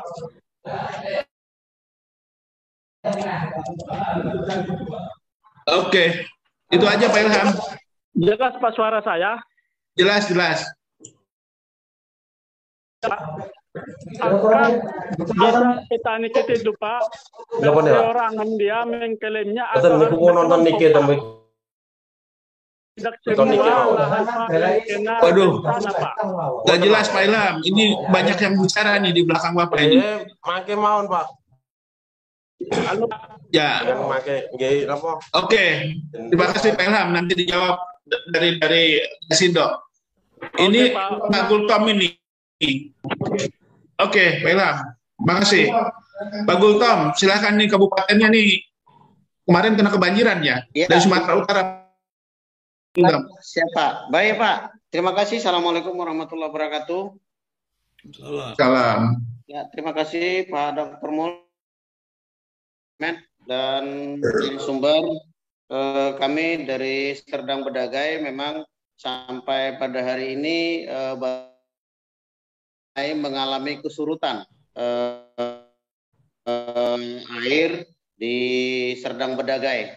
Alhamdulillah eh, ada kesigapan daripada dinas mengajukan eh, ke provinsi untuk mendapatkan eh, disalurkan eh, benih eh, padi sehingga untuk ditanam kembali eh, oleh petani. Eh, memang belum eh, Bang yang- Bang Gultom, ikut asuransi nggak petaninya? Ikut asuransi nggak petaninya? Eh, karena ini kemarin baru apa namanya Pak, baru mau mulai tanam itu saja sudah terkena. Jadi masih proses. Memang setiap tahun ya Pak Irwan eh, tetap ikut di Jasindo. Memang belum maksimal eh, apa yang eh, mengikuti. Ini saya pikir datanya ada dengan Pak Irwan. Tetapi ini memang cukup eh, cukup ekstrim sekali, Bapak. eh, untuk daerah Serdang Bedagai ini belum pernah terjadi hal seperti ini, Pak. Jadi sudah ada 6.000 eh, warga yang terkena dampak banjir. Ini hanya masih cerita tanaman pangan, Pak. Belum makannya bagaimana dengan ternaknya yang anyut, ikannya ini juga memang eh, cukup eh, mengerikan sekali Al Nina ini Pak, Al Nina ini eh, di Serdang Bedagai. Eh, kemudian ini eh, kami eh, menanyakan ini Pak, eh, apakah juga karena juga daerah endemi eh, adanya eh, padi tumbang Pak. Ya, apakah ini juga memang eh, dapat dengan bencana alam angin yang menumbangkan padi dan rebah sampai tidak bisa lagi didirikan. Apakah ini juga masuk eh, dalam klaim asuransi? Oke. Nah, kemudian tadi ada disampaikan oleh Pak Tom eh, dan ditanggapi oleh Pak Dr. Mul, eh, bisa saja eh, tidak tersosialisasi penyuluhan ini tentang Jasindo dan eh, manfaatnya yang 6 juta ini tadi eh, akibat dari semua ini penyuluh menjadi manusia tersuper di dunia ini yang eh, Iya, iya, menguasai eh, semua ya sampai kepada eh, pendataan eh, sekarang reporting dan lain sebagainya ini untuk mengurusi laporan administrasi, Pak. Benar sekali yang disampaikan Pak eh, Mul de- dari pembicaraan Pak Ot.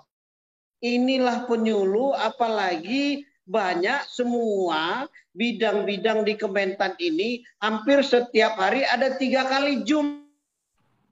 Semuanya jadi jumpret, Pak. Ya, asik zoom saja satu hari tiga kali, Pak. Lagi penyuluh ini Pak, Hmm. belum lagi membuat laporan.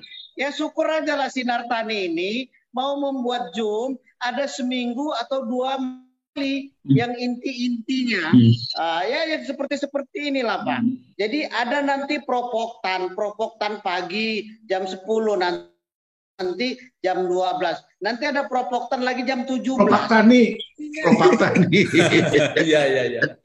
Ya, jadi mau lah. Jadi kalau bisa Pak Irwan ada sedikit lah diberikan eh, sentuhan kepada eh, kawan-kawan penyuluh. Tandanya setiap ada yang mengajukan misalnya sampai eh, 50 hektar, dia ada reward seperti apa berikan Pak. Ini untuk memberikan rangsangan apa yang diberikan Pak Mul. Dia mungkin juga pakai tenaga penyuluh swadaya. Penyuluh perlu dilibatkan. Tetapi kalau dia juga tidak namanya begini Pak. Anak ayam turun 10, anak orang udah disuruh nggak dikasih makan mati Pak. iya Pak. Jadi Jago kalau penyuluh Pak swadaya disuruh untuk eh, membantu mensosialisasikan Pak eh, dan Pak Otong, ya nggak akan mungkin Pak. Ya KTNA disuruh nggak akan mungkin. Kok ngake kerja meneh tugasku kok katanya. Kok iku wae digaji katanya. Jadi ini juga eh, menjadi kendala bagi kita agar tersosialisasi ini kepada masyarakat. Mohonlah Tani ini memberikan masukan kepada pemerintah agar terjadwal Pak untuk kegiatan-kegiatan webinarnya Pak, kegiatan Zoom-nya Pak. Kalau bisa di hari Rabu Pak, hari Rabu ini Sinar Tani kegiatannya sudah dijadikan media untuk materi latihan. Ah, jadi eh, kalau bisa Sinar Tani ini kami di sini di Sumatera Utara lebih banyak latihan BPP-nya di hari Rabu Pak. Hari Rabu ini menjadi materi bahan latihan, jadi semua penyuluh dan eh, KTNA bisa melihat Pak untuk eh, kegiatan-kegiatan jadi saya pikir ini eh, eh, masukan dan pertanyaan kami kiranya eh, Ya. Paritan ini tetap jaya dan menyatu. Amin. Terima kasih. Terima kasih Bang Gultom. Assalamualaikum Ya. Pak Kepala Dinas dari Aceh ini nampaknya udah udah udah kelihatan nih. Pak Kadis. Pak. Baik, terima kasih Pak Hmm. Pak Mulyono dari Sinar Tani, Pak. Saya mewakili Ibu Kadis karena menerima eh, Pak Bupati dari Semelu, Pak, mendadak barusan. Hmm. Jadi ada beberapa yang perlu kami tanggapi. Yang pertama, tahun 2022 kita ada mengalokasikan eh, melalui apa itu 4.000 hektar, Pak. Jadi Hmm. untuk target yang sudah pasti 4.000 kami alokasikan yang 20 persennya itu kami bantu dari APBA kita. Nah, harapan kami ini sekarang sudah melihat cermin 2002 kemarin antusias untuk mengikuti asuransi ini sudah besar. Apalagi ini ke depan lanina kita, Pak. Kami minta melalui forum ini kepada pusat agar Aceh itu dapat dialokasikan sebanyak 12.000 hektar. Hmm. Nah, ini harapannya pertama. Eh, kemudian untuk Aceh kan sekarang kita sudah berlaku eh, Perda nomor 11 tahun 2000 tentang lembaga keuangan syariah. Saat ini Jasindo konvensional yang ada di Aceh itu sudah sudah nggak ada lagi. Yang terdekatnya adalah Medan, Sumatera Utara. Jadi harapan kami ini banyak kita mendengar aspirasi anggota DPR dari masyarakat petani agar hadir Jasindo Syariah yang punya produk. Nah, kami pernah melakukan konsultasi koordinasi ke pusat, tapi mungkin sampai eh, itu belum ada kerjasamanya sehingga untuk asuransi eh, syariah ini belum bisa dijalankan di Aceh. Harapan kami yang kedua agar Aceh mendapat eh, pertimbangan. Mungkin provinsi lain juga saya dengar seperti Padang akan mengikuti jika ada uh, asuransi berbasis syariah, asuransi pertanian syariah. Kami harap pusat mungkin bisa mempertimbangkan itu. Nah, ketiga, Pak, uh, kita ada program IP di Aceh Besar. Tempo hari itu ada penyakit yang namanya penyakit busuk bulir bakteri atau bakterial grain rot. Nah, itu penyakit ini itu terbawa oleh benih sehingga tempo hari itu mau dilakukan klaim, tapi karena tidak tersedia di dalam klausul kontraknya, maka kan tidak bisa diklaim. Dan penyakit ini, ini, ini karena dari sumbernya adalah uh, terbawa oleh benih, jadi saya pikir juga petani harus cerdas ini untuk itu dari mana dan dipastikan sehat. Nah, agar bisa dimasukkan uh, jenis penyakit ini ke dalam uh, namanya klausul kontrak kita dengan Jasindo.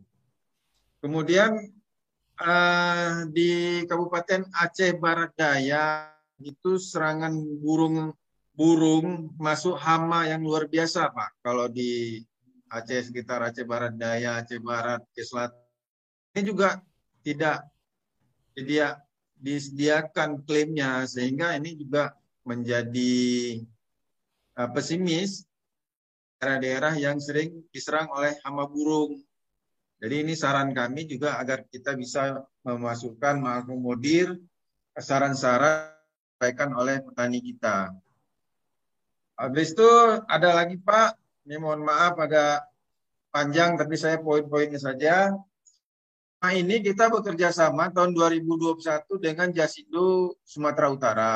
Pengalaman tahun ini 2021 kita terjadi kendala Pak Irwan. Sehingga target kita 5.000 kemarin, 5.000 hektar, yang melalui dana APBD itu hanya bisa terrealisasi 400 sekian. Jadi ada yang dikembalikan. Ini karena terjadi miss. Uh, jadi harapan kami, jika pun pada tahun 2000 Aceh belum bisa dilaksanakan dengan Jasindo Syariah karena belum ada produknya, maka kami harapkan untuk Jasindo konvensional yang terdekat dengan kami adalah Sumut, kita bisa inten Pak sebelum sebelum dimulai tahun 2022 kita bisa berkomunikasi lebih baik apa yang harus kita siapkan dari sekarang. Karena ke depan ini 2022 kami sudah anggarkan 4.000 dan insya Allah awal tahun 2022 kita bisa langsung eksekusi, bisa langsung mendaftar. Ini harapan kami. Kemudian untuk Ibu Indah, Bu Direktur, kami harapkan dana dukung Bu untuk admin, petugas BPT yang ada di lapangan, teman-teman kerjanya. Tahun ini kita hanya tersedia untuk tiga kabupaten, tapi pada tahun ini kita eh, ada 16 kabupaten yang mendaftar. Jadi akhirnya kita revisi, kita bagilah sedikit-sedikit uangnya itu untuk teman-teman yang lain yang tidak ada anggarannya. Nah, mungkin itu hanya uh, harapan dari kami Aceh yang paling ujung dari Indonesia, Pak Pak Mulyono bisa ya. memfasilitasi. Oke. Okay. Terima kasih Pak. Terima kasih Pak Kadis dari Aceh. Terima kasih. Uh, satu lagi penanya ya. ada dari yang sudah siap. Sri Hartati itu Pak.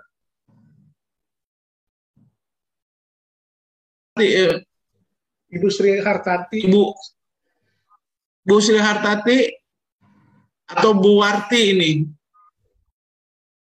sudah siap. Bu Sri, ini belum belum ini semua ini banyak sekali yang minta uh, mau bertanya. Pak Miswanto, Pak Miswanto juga ini, silakan. Oke, kalau memang tidak ada, kita respon aja dulu yang sudah bertanya.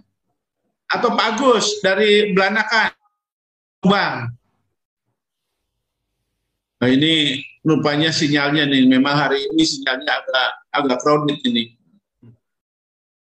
Pak Ano, Ibu Bu, Bu Direktur, Bu Indah, juga ada beberapa pertanyaan tadi.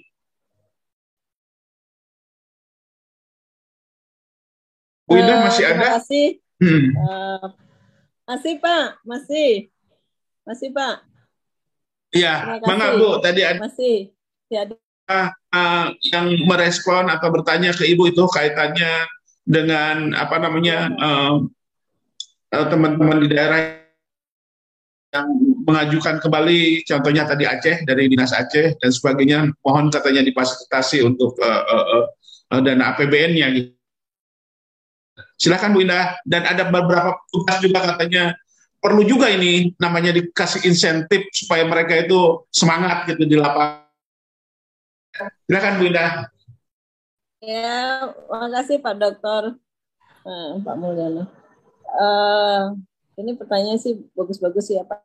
Ya, tentunya eh, kami dari Direktorat Pembiayaan eh, akan terus berupaya untuk dapat eh, memberikan dukungan ya pendampingan kepada eh, seluruh eh, pegawai ya eh, dan juga pokja-pokja yang sudah eh, membantu kami dalam hal eh, mensosialisasikan eh, asuransi ini dan juga membantu dalam hal eh, mendampingi petani eh, dalam eh, mengaplikasikan, mengimplementasikan eh, penyerapan asuransi.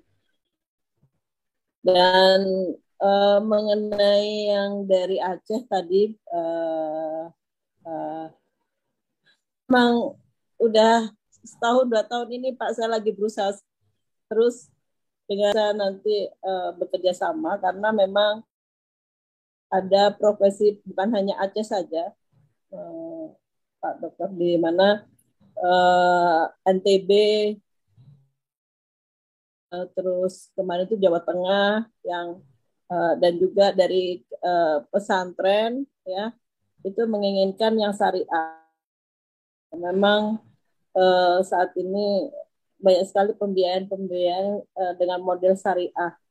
Nah, bahkan KUR itu kan ada ya, BSI syariah. Nah, memang eh, kami eh, sedang berupaya dari Direktur Pembiayaan untuk bisa mengadakan PKS secepatnya dan bahkan eh, eh, nanti ada perjanjian kerjasama MOU antara eh, badan syariah kita kebetulan sekarang ini eh, kalau di perbankan itu sudah tidak sendiri-sendiri. Jadi syariah itu menjadi satu bank syariah Indonesia. Nah ini kebetulan belum ada MOU dengan Kementerian Pertanian. Nah, dan kami inisiasi untuk itu tentunya kalau nanti perbankannya sudah syariah kita akan bersama-sama uh, sama dengan kami. Nah itu memang kendala kami Pak. Uh, di Aceh ini memang kekhususan juga mengenai penyaluran kur di Bank Aceh ini juga Pak. Karena memang khusus uh, uh, syariah dan memang belum mendapatkan ya Bank Aceh ini. Padahal uh, banyak sekali permintaan. Jadi model syariah ini bukan hanya umum saja, tetapi juga lembaga-lembaga uh, tertentu uh, dan juga pesantren, inginkan pembiayaan dan juga asuransinya adalah syariah Islami. Nah ini memang uh, kami saat ini sedang proses berproses dalam dalam hal uh, MOU dan PKS-nya. Uh, apa namanya mengenai dana pendampingan kami akan ajukan memang uh, kalau yang saat ini memang sedikit uh, Pak hmm. karena memang uh, apa anggaran kami juga banyak direfocusing. Nah, nanti insya Allah 2022 uh, akan yang tadi ya ada 16 kabupaten kami akan catat dan uh, akan kami masukkan ke dalam anggaran tidur uh, barangkali Baik. itu Pak Ya. Dokter yang Terima kasih Bu Direktur. Bu, cuman tadi katanya dari Aceh Ya, itu ada tersendiri hama burung belum tercover ya sama serangan burung sama bakteri yang dibawa oleh bibit itu mungkin jadi catatan juga mungkin ke depannya. Aceh ini rupanya burung ini lumayan juga itu serangan burung. Terima kasih Bu Indah. Eh, Dari anu Iya. ber- Iya. sebelum bukan, saya ke bukan hanya Aceh Pak. Burung, iya ya, izin Pak, kalau burung bukan hanya Aceh, Hmm. tapi juga banyak dari eh, di apa yang lain. Di, memang burung ini sedang kami masukkan juga ke dalam eh, pedung kami Pak, karena Ya. ini memang eh, kejadian beberapa daerah juga seperti itu. ya. Baik Selain Ibu. tikus, iya Pak. Memang kasih. Nih ada sudah nongol nih Pak Agus.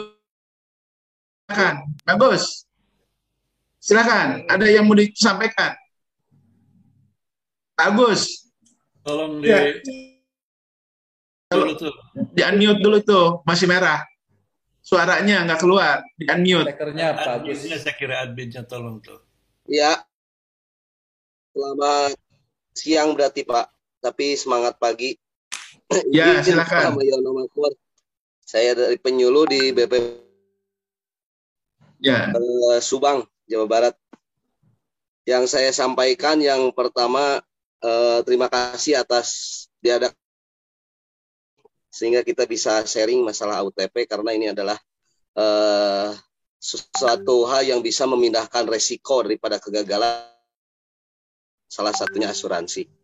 Eh, di lapangan masih terkendala juga dengan saatnya pelaporan respon Sindo juga Pak. Jadi kadang-kadang eh, kalau di lapangan itu sudah melaporkan, tapi ternyata surveinya telat sehingga di lahan eh, pertanaman petani itu eh, segera dipanen. Sementara yang namanya petani tadi yang menyinggung petani eh, dari sumber daya SDM-nya, punten maaf, eh, terus dan segala macamnya mereka kadang-kadang tidak sabar. Eh, seharusnya kan disurvei dulu atau di sudah diklaim atau disurvei baru boleh mungkin dilakukan penindakan daripada serangan hama atau OPT. Eh, terus yang kedua kendala eh, kami di daerah Belanak ini dengan eh, bibir pantai atau laut, Pak, eh, banyak juga lahan eh, yang terkena oleh salinitas. Sementara kan itu eh, tidak tercover di situ ya. Ini cuma masukan barangkali bisa menjadi pertimbangan karena itu juga menjadi kerugian dalam budidaya padi di Introducing daerah Oke. Belanakan. the most natural Yeah. sounding text to speech Ya, oke. software. Air laut ya bagus ya. Hey, Terima kasih Pak I'm Agus. Joey. Betul, ya. Oke, Banyak cukup juga ya. Dari gerombolan yang ini ada Menteri Penerangan eh, yang terkena oleh salinitas. Silakan. Sementara kan itu eh, tidak tercover di situ ya. Oh Jadi ini muncul lagi. Silakan Pak barangkali Moko. bisa menjadi pertimbangan Suaranya belum karena itu diambil. juga menjadi kerugian. Ya, sudah. dalam Ah. padi di Introducing daerah. Belanakan. The most natural sounding text to speech. panitia Ya. luar biasa materi webinar siang hari ini ya lan pertanian bikin petani tenang. Nah ini menjadi apa namanya sebuah apa, bahwa lanina ini merupakan salah satu fenomena yang harus kita waspadai ya karena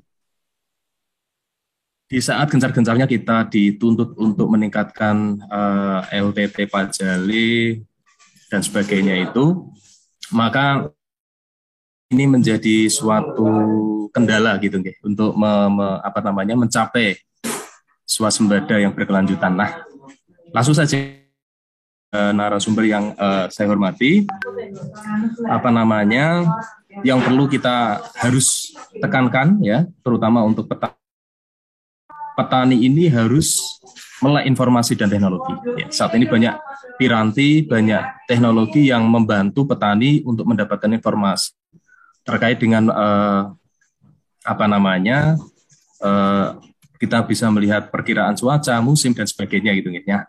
Pertanyaan eh, lanina itu cukup men- mempengaruhi ya, terutama satu terhadap pola tanam ya, pola dan uh, varietas tentunya yang harus kita pilih ini tentu harus sesuai dengan kondisi misalkan La Nina cenderung ke genangan ya atau banjir atau hidrologi bencana hidrologi. Nah, bencana banjir terutama ini mempengaruhi ketersediaan uh, apa namanya pada pemilihan varietas yang tepat yang cocok ya untuk genangan misalkan yang tahan berapa hari genangannya. Pertanyaan saya varietasnya apa? Misalkan impara gitu ya. Tapi pertanya, uh, permasalahannya adalah ketika kita mau mencari uh, apa namanya varietas tersebut itu di mana gitu ya ketersediaannya. Ini masalah ketersediaan. Nah ini ini menjadi catatan untuk uh, para pemangku kepentingan. Yang kedua PUPT nah PUPT yang yang uh, perlu diwaspadai di dalam uh, bencana itu mungkin ada wereng ada apa namanya uh, penggerek batang dan sebagainya. Nah ini penanganannya seperti apa kemudian yang ketiga terkait dengan kualitas panen karena lanina ini cukup menyita apa namanya proses pengeringan baik secara uh, penanganan kualitas panen di di uh, produk pertanian seperti apa? Terima kasih. Oke, Pak Harmoko, ini dari NTB dinas pertanian NTB gimana? Sudah masih ada permintaan katanya dari NTB mau bicara. Kalau tidak ada ini yang sudah siap bertanya Pak Iman Widiantoro. Dari mana ini Pak Iman? Silakan Pak Iman. Tadi saya tambahi yang yang tidak bisa sampai eh, nulis. Kalau admin ya, dari BPP ya, sama yang, Tanah Merah Pak? Tadi udah ya. Ya silakan Pak Iman. Ya, terima kasih. Yang tiga. Ini yang ingin saya tanyakan, terutama kepada Bapak Irwan dari Jasindo. Ya, ini yang saya tanyakan, ini kaitannya AUTP itu biasanya kan ada kuotanya Bapak per kabupaten. Nah itu seandainya kuotanya habis, apakah bisa itu mendaftar sendiri dengan biaya sendiri. Terus yang kedua, kaitannya dengan batasan klaim itu apakah atasi kelompok tani untuk klaimnya Pak? Karena biasanya kan daerah endemis itu sering terjadi beberapa kendala sehingga mengklaim. Nah itu ada batasannya atau tidak? Sekian, terima kasih Bapak. Terima kasih Pak uh, Imam.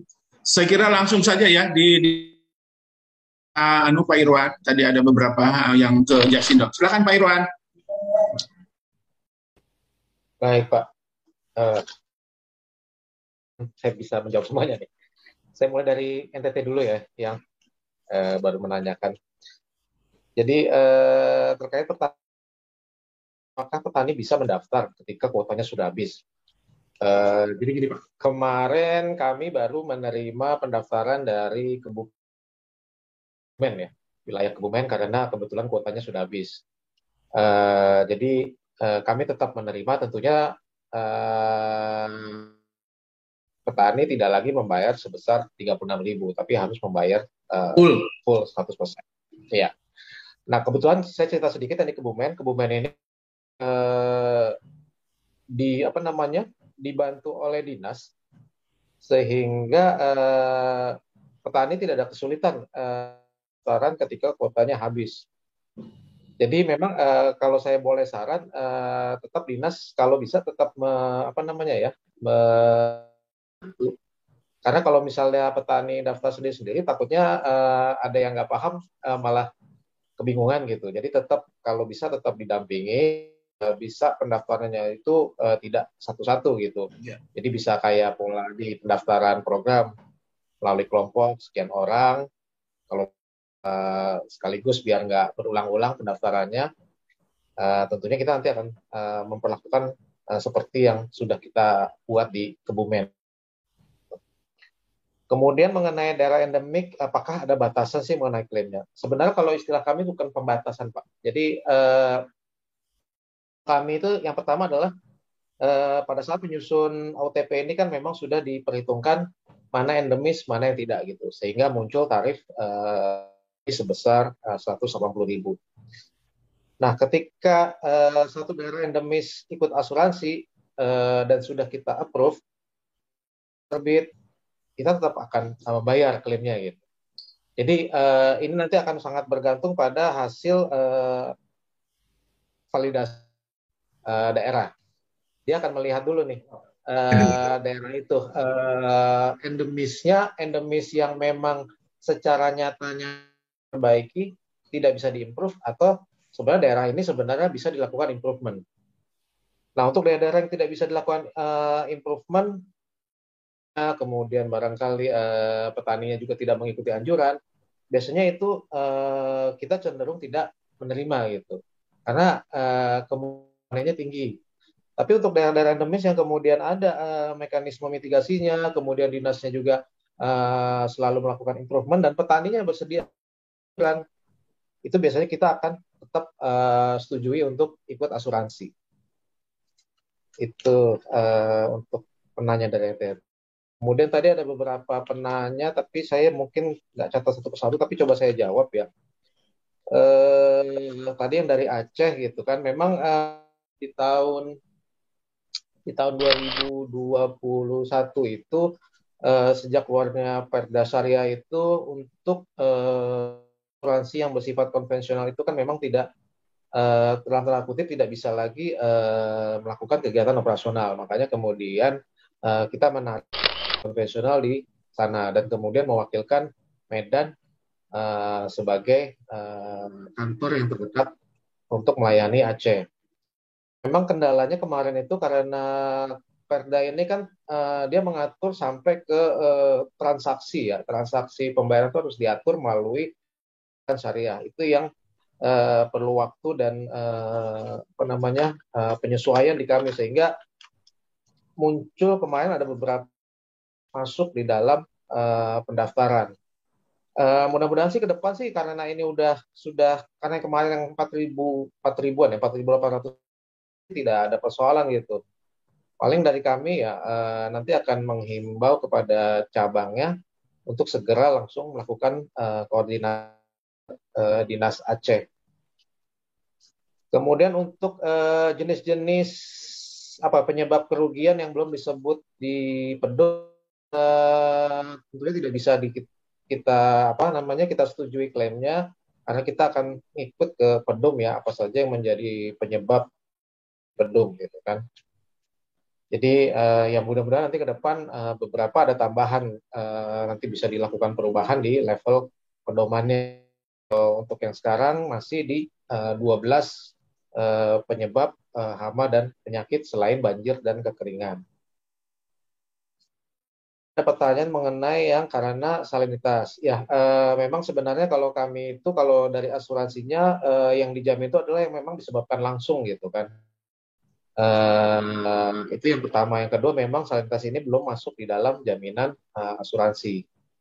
Jadi memang kami tidak bisa uh, karena salinitas gitu. Uh, jadi masih terbatas pada penyebab-penyebab yang langsung menyebabkan kerugian. Uh, mungkin itu yang bisa saya ya. Mungkin kalau ada yang terlewat, mungkin saya bisa diingatkan. Ada juga Pak Irwan ini catatan saya persyaratan klaim itu sulit katanya menurut penyuluh dan ada Oh iya. Beberapa petani. Baik. Betul nggak Pak Irwan? Ya ini relatif ya sebenarnya ya uh, relatif, dan tidak ya. gitu. Mungkin barangkali ini terkait dengan apa yang tadi sampaikan Pak Otong. Jadi saya juga ingin uh, hari yang disampaikan Pak Otong. Jadi saya sangat setuju banget ya tadi emang uh, sebenarnya uh, kuncinya adalah mendengar, melihat, merasakan gitu kan. Karena uh, kita harus terima ya bahwa sebagian besar petani itu uh, berada di usia rentang usia yang uh, relatif uh, 40 ke atas gitu. Jadi uh, memang uh, untuk memahami asuransi ini uh, perlu waktu dan perlu ya perlu ini ya setiap hari, setiap saat harus selalu di yeah.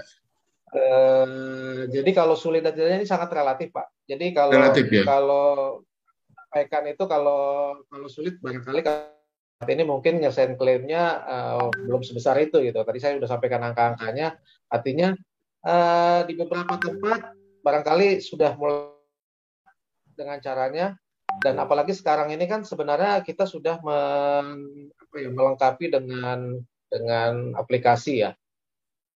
Satu hal kenapa aplikasi ini dibuat eh, zaman dulu waktu manual itu kalau dicetak itu polis itu mungkin berapa puluhan ribu gitu. Jadi itu baru nyetaknya dan eh, tentunya perlu waktu dan distribusinya. Makanya kemudian dibuatlah eh, polis itu bentuknya digital saat pendaftaran itu eh, harus sudah memasukkan nomor HP petugas yang akan menjadi eh, center of information dari eh, asuransi ini. Karena kami mengirimkannya melalui digital gitu informasi polis. Memang ini kurang kurang ini ya eh, barangkali terlalu high tech gitu. Tapi memang itu cara yang eh, tercepat yang bisa kami lakukan. Ketimbang kami harus distribusikan eh, polis dalam itu Ya. itu eh, lebih tidak bisa memastikan ininya apa eh, sampainya polis itu. Kalau melalui link setidaknya tujuan nomor handphone yang bisa kita sampaikan linknya gitu kan. Kemudian eh, untuk petugas yang mempunyai user terhadap aplikasi dia bisa langsung itu gitu. Jadi memang ada dua metode menyampaikan melalui eh, handphone. Kedua bisa langsung dilihat di eh, apa namanya di aplikasinya jadi, ya mudah-mudahan itu yang bisa kami lakukan yang bisa Ya, seperti anu ya, Pak Irwan, kalau kita sudah divaksin gitu ya, sertifikat bulu lindung itu, kayak begitu ya, ininya apa Iya. namanya, eh, Ya, apa metodenya kurang lebih seperti itu, Pak. Kurang Oh, lebih seperti. Nanti ada QR, QR code-nya yang disampaikan melalui uh, di dalam uh, website yang sudah kami sediakan. Oke, saya kira lebih Iya. anu ya, lebih lebih praktis dan lebih bisa terima masing-masing eh, apa namanya eh, sertifikatnya gitu. Oke, Pak Irwan. Iya. Pak Oto, ada yang mau disampaikan, Pak Oto? Halo, Pak Oto? Halo. Ya, ada yang mau sampaikan tadi ada respon? Sampaikan lagi. Eh, terima kasih Pak. Eh, saya kira apa yang disampaikan oleh Pak Irwan betul bahwa eh, mudah atau susah itu relatif. Ada beberapa hal yang eh, petaninya aktif itu otomatis bisa bisa cepat eh, keluar. Malah di di daerah saya ada satu dapat klaim 420 juta dua kelompok. Berarti sekitar 800 juta. Itu, itu eh, bisa dilakukan mungkin saya ke Bu Direktur di akhir eh, di akhir September atau awal Oktober itu kita mau daftar waktu itu katanya kuotanya uh, refocusing ya. Nah untuk yang sekarang Refocusing. karena ini awal karena ini awal musim eh, tanam nih Bu, apa sudah ada lagi atau bagaimana? Ya, oke. Saya kira nanti Pak Ibu Direktur yang menjawab tuh barangkali. Apakah Iya. mau tidak Iya, direfocusing iya. lagi ya Bu? iya, mudah-mudahan nggak direcomposing lagi. Jadi Iya, Iya, sudah, iya, iya. sudah banyak sudah banyak juga. mulai kita Oke, Ya. ya, Iya oke. sudah mulai Ya. kita membuka Pak. Ya. Ya. Lebih Terima awal kasih, lebih Bu. bagus. Iya. Iya, Saya sudah kira- mulai kita mulai ayo satu Ya. juta masih satu juta hektar. Iya. Silakan Pak. Katanya mau naik kelas Bu, Karena- mau naik kelas ke 3 juta. Men- lagi Ya, eh, usahakan insya Allah juga KTNA bantu karena KTNA juga kan termasuk penyuluh swadaya juga di lapangan. Jadi kita Ya. bantu so- Kalau lah kita bisa Ya. sama-sama. Ya, KTNA kemudian- bergandengan tangan dengan penyuluh dengan Ya, terima kasih. teman-teman. Ya, ya, ya, ya, kita sinar corongnya Bu Siap, Direktur siaplah untuk jadi bila perlu kita buat seri Iya, untuk siap. adalah, uh, semacam FPD semacam ini. Uh, beberapa uh, tidak bisa sekali aja kelihatannya nih. Banyak sekali permasalahan yang harus kita selesaikan masalah asuransi. Ya, betul. Nah, ya kami siaplah untuk membantu semacam acara bahkan semacam bahkan begini. Terima kasih. Pak Uh, uh, gimana Bu? Pak Pak Dokter bahkan pada ada doorpress-nya harusnya harus Ya. ada doorpress. Betul. ya, ya, Uh, ya. dari Kalau warga Ibu sediakan ayo nih ya, doorpress. ya, ya dari Jasindo atau dari Ibu motor gitu door price-nya mungkin Iya. bagus tuh. Iya. Ah, boleh. Jadi kita Ya, coba ada ini. Nanti saya peminatnya carikan yang door prize-nya lah. ya Iya. alhamdulillah Iya. kita carikan dompet ya kami ini berangkat dari semula FGD ini hanya seratusan sekarang nembus seribu nampaknya eh, pengikut ya terima kasih bapak ibu sekalian direktur Pak Otong Pak Irwan Ya, sama-sama. saya kira Pak Mehmet ini eh, kalian juga terima kasih sekali ini. Kita udah dua jam hampir dua jam setengah ya. Mungkin Pak Mehmet akan menyampaikan resume eh, ini dan sekaligus mohon menutup acara Pak Mehmet. Baik, Pak Mul, terima kasih banyak. Eh, Ibu Direktur, Pak Irwan, Pak Otong, terima kasih. Ini satu diskusi yang sangat eh, hidup ya. Dan saya kira semua orang mendapatkan eh, informasi, manfaat yang memang kelihatannya mengurus orang kecil ini lebih susah dari mengurus orang besar. Jadi asuransi itu adalah satu sistem yang modern memang. Kita coba terapkan kepada satu usaha yang boleh dikatakan masih konvensional ya. Dan kita memerlukan satu pemasarakatan informasinya yang sangat baik sekali. Jadi pemasarakatan informasi agar petani menyadari bahwa ini adalah penting, bahwa ini adalah bag- baik bagi usahanya eh, informasi mengenai cara-cara mekanisme eh, asuransinya. Saya kira yang tadi dikatakan oleh Ibu, bagaimana masyarakat itu mencoba mengklaim sesudah kejadiannya itu terjadi ya. Mereka masih belum mengerti apa itu asuransi. Lagi pula eh, informasi yang sama juga harus diberikan mengenai apa itu masalah-masalah yang terkait dengan bencana, lanina dan sebagainya itu sebetulnya harus sudah sampai kepada mereka eh, jauh-jauh sebelumnya isinya seperti apa, oleh karena itu mitigasinya seperti apa. Cuman mas, ma- pemerintah juga harus menyediakan kalau harus disediakan yang khusus untuk menghadapi itu harus siap juga. ya. Jadi memang prosesnya jadi banyak sekali. Ya. Saya ada ada joke di sini. Eh, ada satu negara di mana kematian itu menjadi begitu penting sehingga menjadi harus selalu hebat. Wah. Jadi pada saat mereka itu ada keluarganya meninggal, biasanya mereka sampai berutang-utang gitu. Akhirnya negaranya mengenalkan asuransi kematian. Jadi akhirnya dikenal asuransi kematian itu adalah bagaimana cara hidup miskin supaya mati dalam keadaan kaya. Ini satu joke aja ya. Bapak Ibu sekalian, tadi Ibu Direktur mengatakan bahwa manfaatnya sangat baik. Masyarakat merasakan. Nah, ada kendala-kendala yang barangkali disampaikan juga tadi perlu kita eh, terkait dengan masalah teknis. Teknis saja sebetulnya. Mengapa pelaporannya itu menjadi lambat gitu. Sudah ada teknologi yang uh, digital seharusnya lebih cepat. Itu karena hanya baga- uh, masyarakat itu belum tahu bagaimana mendapatkan informasi itu dengan cepat dari teknologi digital itu. Saya kira ini tidak terlalu sulit lah ya. Kita hanya mengenalkan bagaimana supaya itu bisa uh, mendownloadnya, menyimpannya dengan baik, dan mereka harus mengetahui bahwa persyaratan untuk mendapatkan adalah dokumen-dokumen yang harus mereka simpan. Uh, Bapak Ibu sekalian, uh, pasti ada sesuatu yang harus kita perbaiki. Dan saya kira dari pihak Jasindo sudah mengetahui juga, dari pihak kita juga sudah mengetahui, dari juga mengetahui.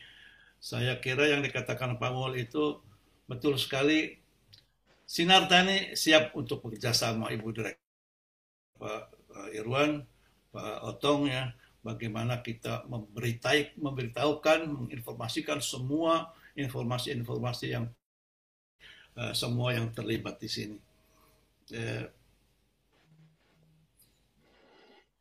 jadi Sinar Tani siap untuk uh, itu. Perangkat-perangkatnya juga boleh dikatakan sudah disiapkan dengan baik ya. Nah, Jasindo sudah membuat satu uh, model uh, protan dan kemudian ada juga siap ya yang harus uh, kita ikuti aturan-aturannya dan prosedur-prosedurnya bahwa kendala-kendala masih dilihat sebagai satu kendala yang sangat penting masalah kesadaran petani, masalah uh, infrastruktur digital kata Pak Watong tadi uh, pemerintah daerah dan uh, pembayaran klaim yang agak terlambat itu saya kira uh, masih bisa kita selesaikan. Pikir optimis dulu ya Bu ya. Uh, sebetulnya 36 ribu untuk satu hektar itu Direktur itu tidak tidak cukup untuk sebungkus rokok ya, tetapi manfaatnya itu bukan main itu. Dan mungkin ini yang harus kita uh, sadarkan masyarakat kita bahwa manfaat yang begitu besar itu kok dihilangkan begitu saja, dilewatkan begitu saja, dan ini yang harus kita sampaikan kepada mereka. Itu saya kira beberapa catatan kita bahwa yang diminta oleh Aceh uh, kita dan Ibu Direktur masih dalam perjuangan untuk mendapatkan hal itu. Dan barangkali juga catatan kita uh, jangan yang namanya uh, hama dan penyakit yang boleh kita klaim ya itu mungkin berbeda-beda setiap, setiap daerah. Saya nggak tahu kalau di NTT itu bagaimana serangan hama belalang itu begitu hebatnya gitu ya. Padahal di beberapa daerah lain itu mungkin ini bisa kita bedakan antar daerah uh, yang namanya penyakit dan hama itu. Hmm, ini uh, pikir karena uh, yang dikatakan dari Aceh itu barangkali suatu kekhawatiran yang besar ya karena serangan burung itu begitu hebatnya. Bapak Ibu sekalian, sekali lagi kami mengucapkan terima kasih. Saya dan Pak Mol dari Sinar Tani menyatakan siap untuk bekerja sama dengan Bapak dan Ibu sekalian untuk menginformasikan ini kepada para petani, kepada para dan saya kira dari Kementan menyuluh BPP dan mengajak pemerintah daerah untuk sama-sama uh, informasi ini kepada masyarakat agar mereka menyadarinya. Dengan demikian, dengan ucapan terima kasih kepada Bapak Ibu semua, para hadir pada acara ini. Eh, mudah-mudahan kita bisa ketemu lagi dan bisa memberitakan, memberitahukan informasi-informasi yang penting buat kita semua. Dan uh, dengan mengucap Alhamdulillah uh, sudah selesai baik. Kita sama-sama tutup uh, acara webinar ini, acara diskusi ini. Uh, Assalamualaikum warahmatullahi wabarakatuh. Waalaikumsalam. Waalaikumsalam warahmatullahi wabarakatuh. Sinar Tani tetap. Amin. Alhamdulillah. Amin.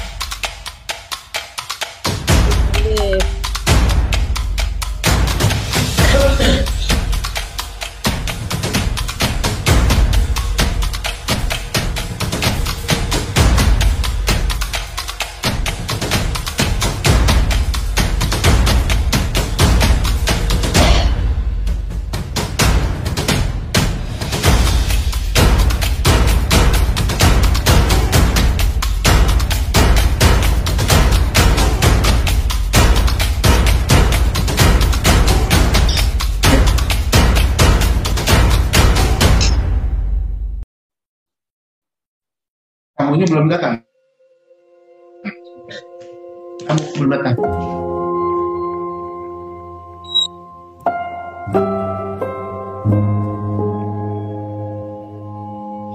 Pak, ini setelah dilakukan upaya pengendalian tetap nggak bisa Pak, karena lahan padinya sudah rusak semua. Ya kurang lebih 75% ini rusaknya Pak. Oh iya Pak, ini Sekarang, lapor klaim dipermudah dengan Protan. aplikasi proteksi tani.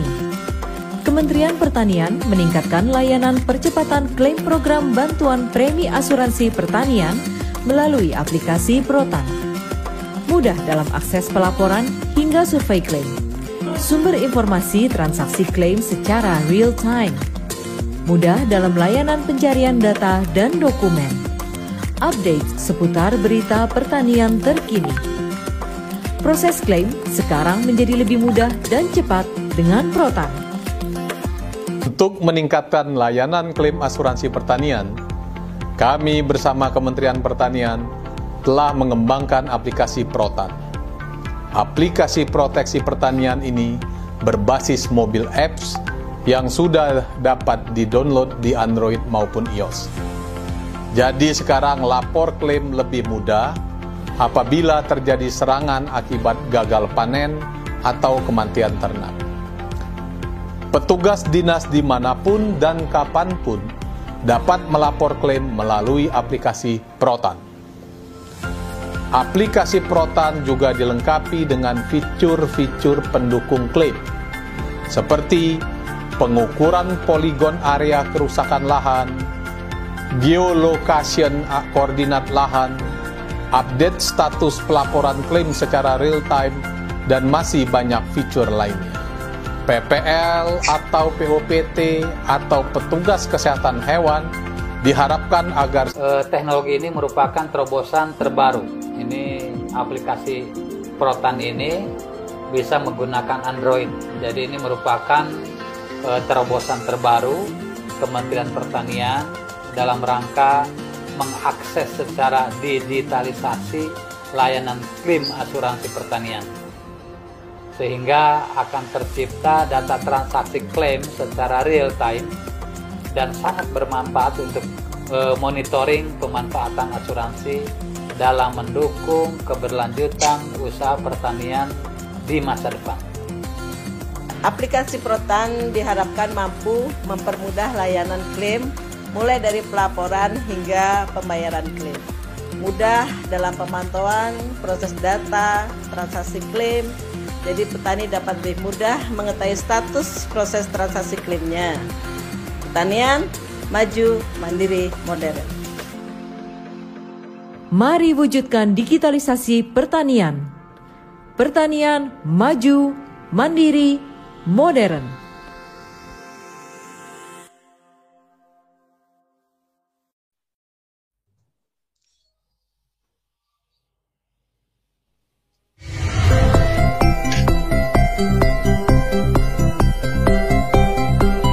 Tabloid Sinar Tani adalah media pers yang fokus pada bidang penyuluhan pertanian, menyajikan beragam informasi dan teknologi pertanian terkini yang dikemas dengan gaya bahasa populer, segar, dan akurat oleh tenaga profesional yang handal.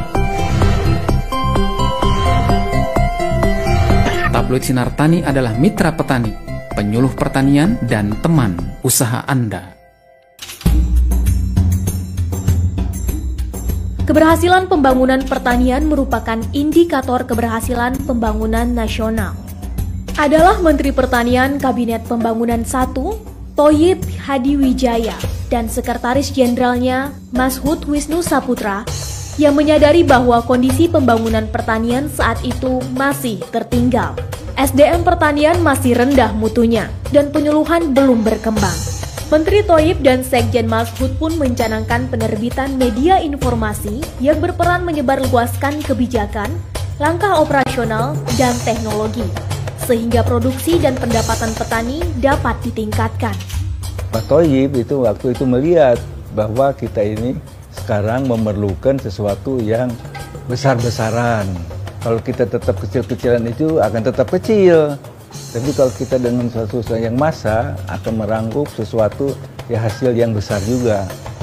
Untuk mewujudkan rencana itu, pimpinan Departemen Pertanian menerbitkan surat kabar Sinar Jaya. Terbit pertama kali pada tanggal 29 Agustus. Kecil, tapi kalau kita dengan sesuatu yang masa akan merangkup sesuatu ya hasil yang besar juga. Untuk mewujudkan rencana itu, Pimpinan Departemen Pertanian menerbitkan surat kabar Sinar itu yang besar-besaran. Kalau kita tetap kecil-kecilan itu akan tetap kecil. Tapi kalau kita dengan sesuatu yang massa akan merangkup sesuatu ya hasil yang besar juga. Untuk mewujudkan rencana itu, pimpinan Departemen Pertanian menerbitkan surat kabar. Tapi kalau kita dengan sesuatu yang massa akan merangkup sesuatu ya hasil yang besar juga. Untuk mewujudkan rencana itu, pimpinan Departemen Pertanian menerbitkan surat kabar Sinar Jaya. Terbit pertama kali pada tanggal 29 Agustus 1970 dilahirkan bersama lahirnya penyuluh pertanian lapangan. Sejak tanggal 2 April 1986, Sinar Jaya berganti nama menjadi Sinar Tani. Yang namanya Green Revolution baru diluncurkan waktu itu. Benih unggul baru, lalu pemupukan, cara-caranya irigasi yang paling bagus. Tapi semuanya itu harus di bawah bimbingan para penyuluh pertanian. Nah, para penyuluh pertanian perlu sumber informasi. Tabloid Sinar Tani fokus menyajikan informasi bagi masyarakat pertanian. Informasi teknologi, kebijakan, dan bisnis pertanian disajikan sebagai referensi pengembangan usaha pertanian di Indonesia. Adalah hasil-hasil penelitian di mana disebarkan, diinformasikan pada uh, para penyuluh untuk kemudian disebarluaskan dengan cara yang dapat dimengerti, difahami oleh para petani.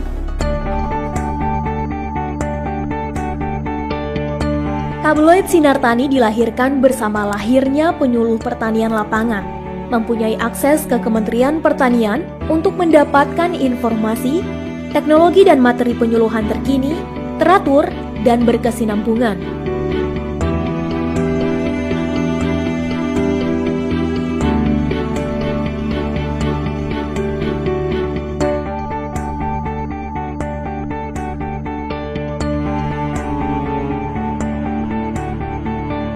Tabloid Sinar Tani tersebar luas ke seluruh pelosok Indonesia, termasuk daerah perbatasan. Sehingga Sinar Tani mendapat predikat sebagai pemersatu bangsa. Sinar Tani itu mungkin satu-satunya tabloid yang betul sampai di lapangan. Bahkan sampai di daerah perbatasan kita mendapatkan uh, wawasan yang yang baru, yang up to date, yang uh, diliput oleh Sinar Tani yang bisa kita sampaikan kepada uh, para petani. Sinar Tani sangat bermanfaat sekali karena membantu informasi yang kurang di dinas gitu Pak. Berkat Sinar Tani kami bisa mengenal beberapa pola tanam baik itu pola tanam jajar Legowo 2 ataupun tujuh jajar Legowo 4 panen kemarin ada peningkatan. Dari tadinya per hektar kami mendapatkan 6 ton, tahun sekarang ini mendapatkan 1 hektar 10 ton. Sebagai media pers, Sinar Tani mempunyai empat peran, yaitu memberikan informasi, memberikan edukasi, memberikan hiburan, dan kontrol yang fokus pada bidang penyuluhan pertanian. Tidak ada satu surat kabar pun di Republik ini yang bisa tembus masuk ke pedesaan. Hanya sinar tani. Sinar tani itu fungsinya fungsi pendidikan. Semua informasi yang didapat kita sampaikan kepada petani. Sinar Tani juga tetap melakukan inovasi-inovasi. Berkat dari Sinar Tani, Alhamdulillah panen kemarin ada peningkatan. Tidak bisa disangkal kontribusi dari Sinar Tani signifikan, nyata.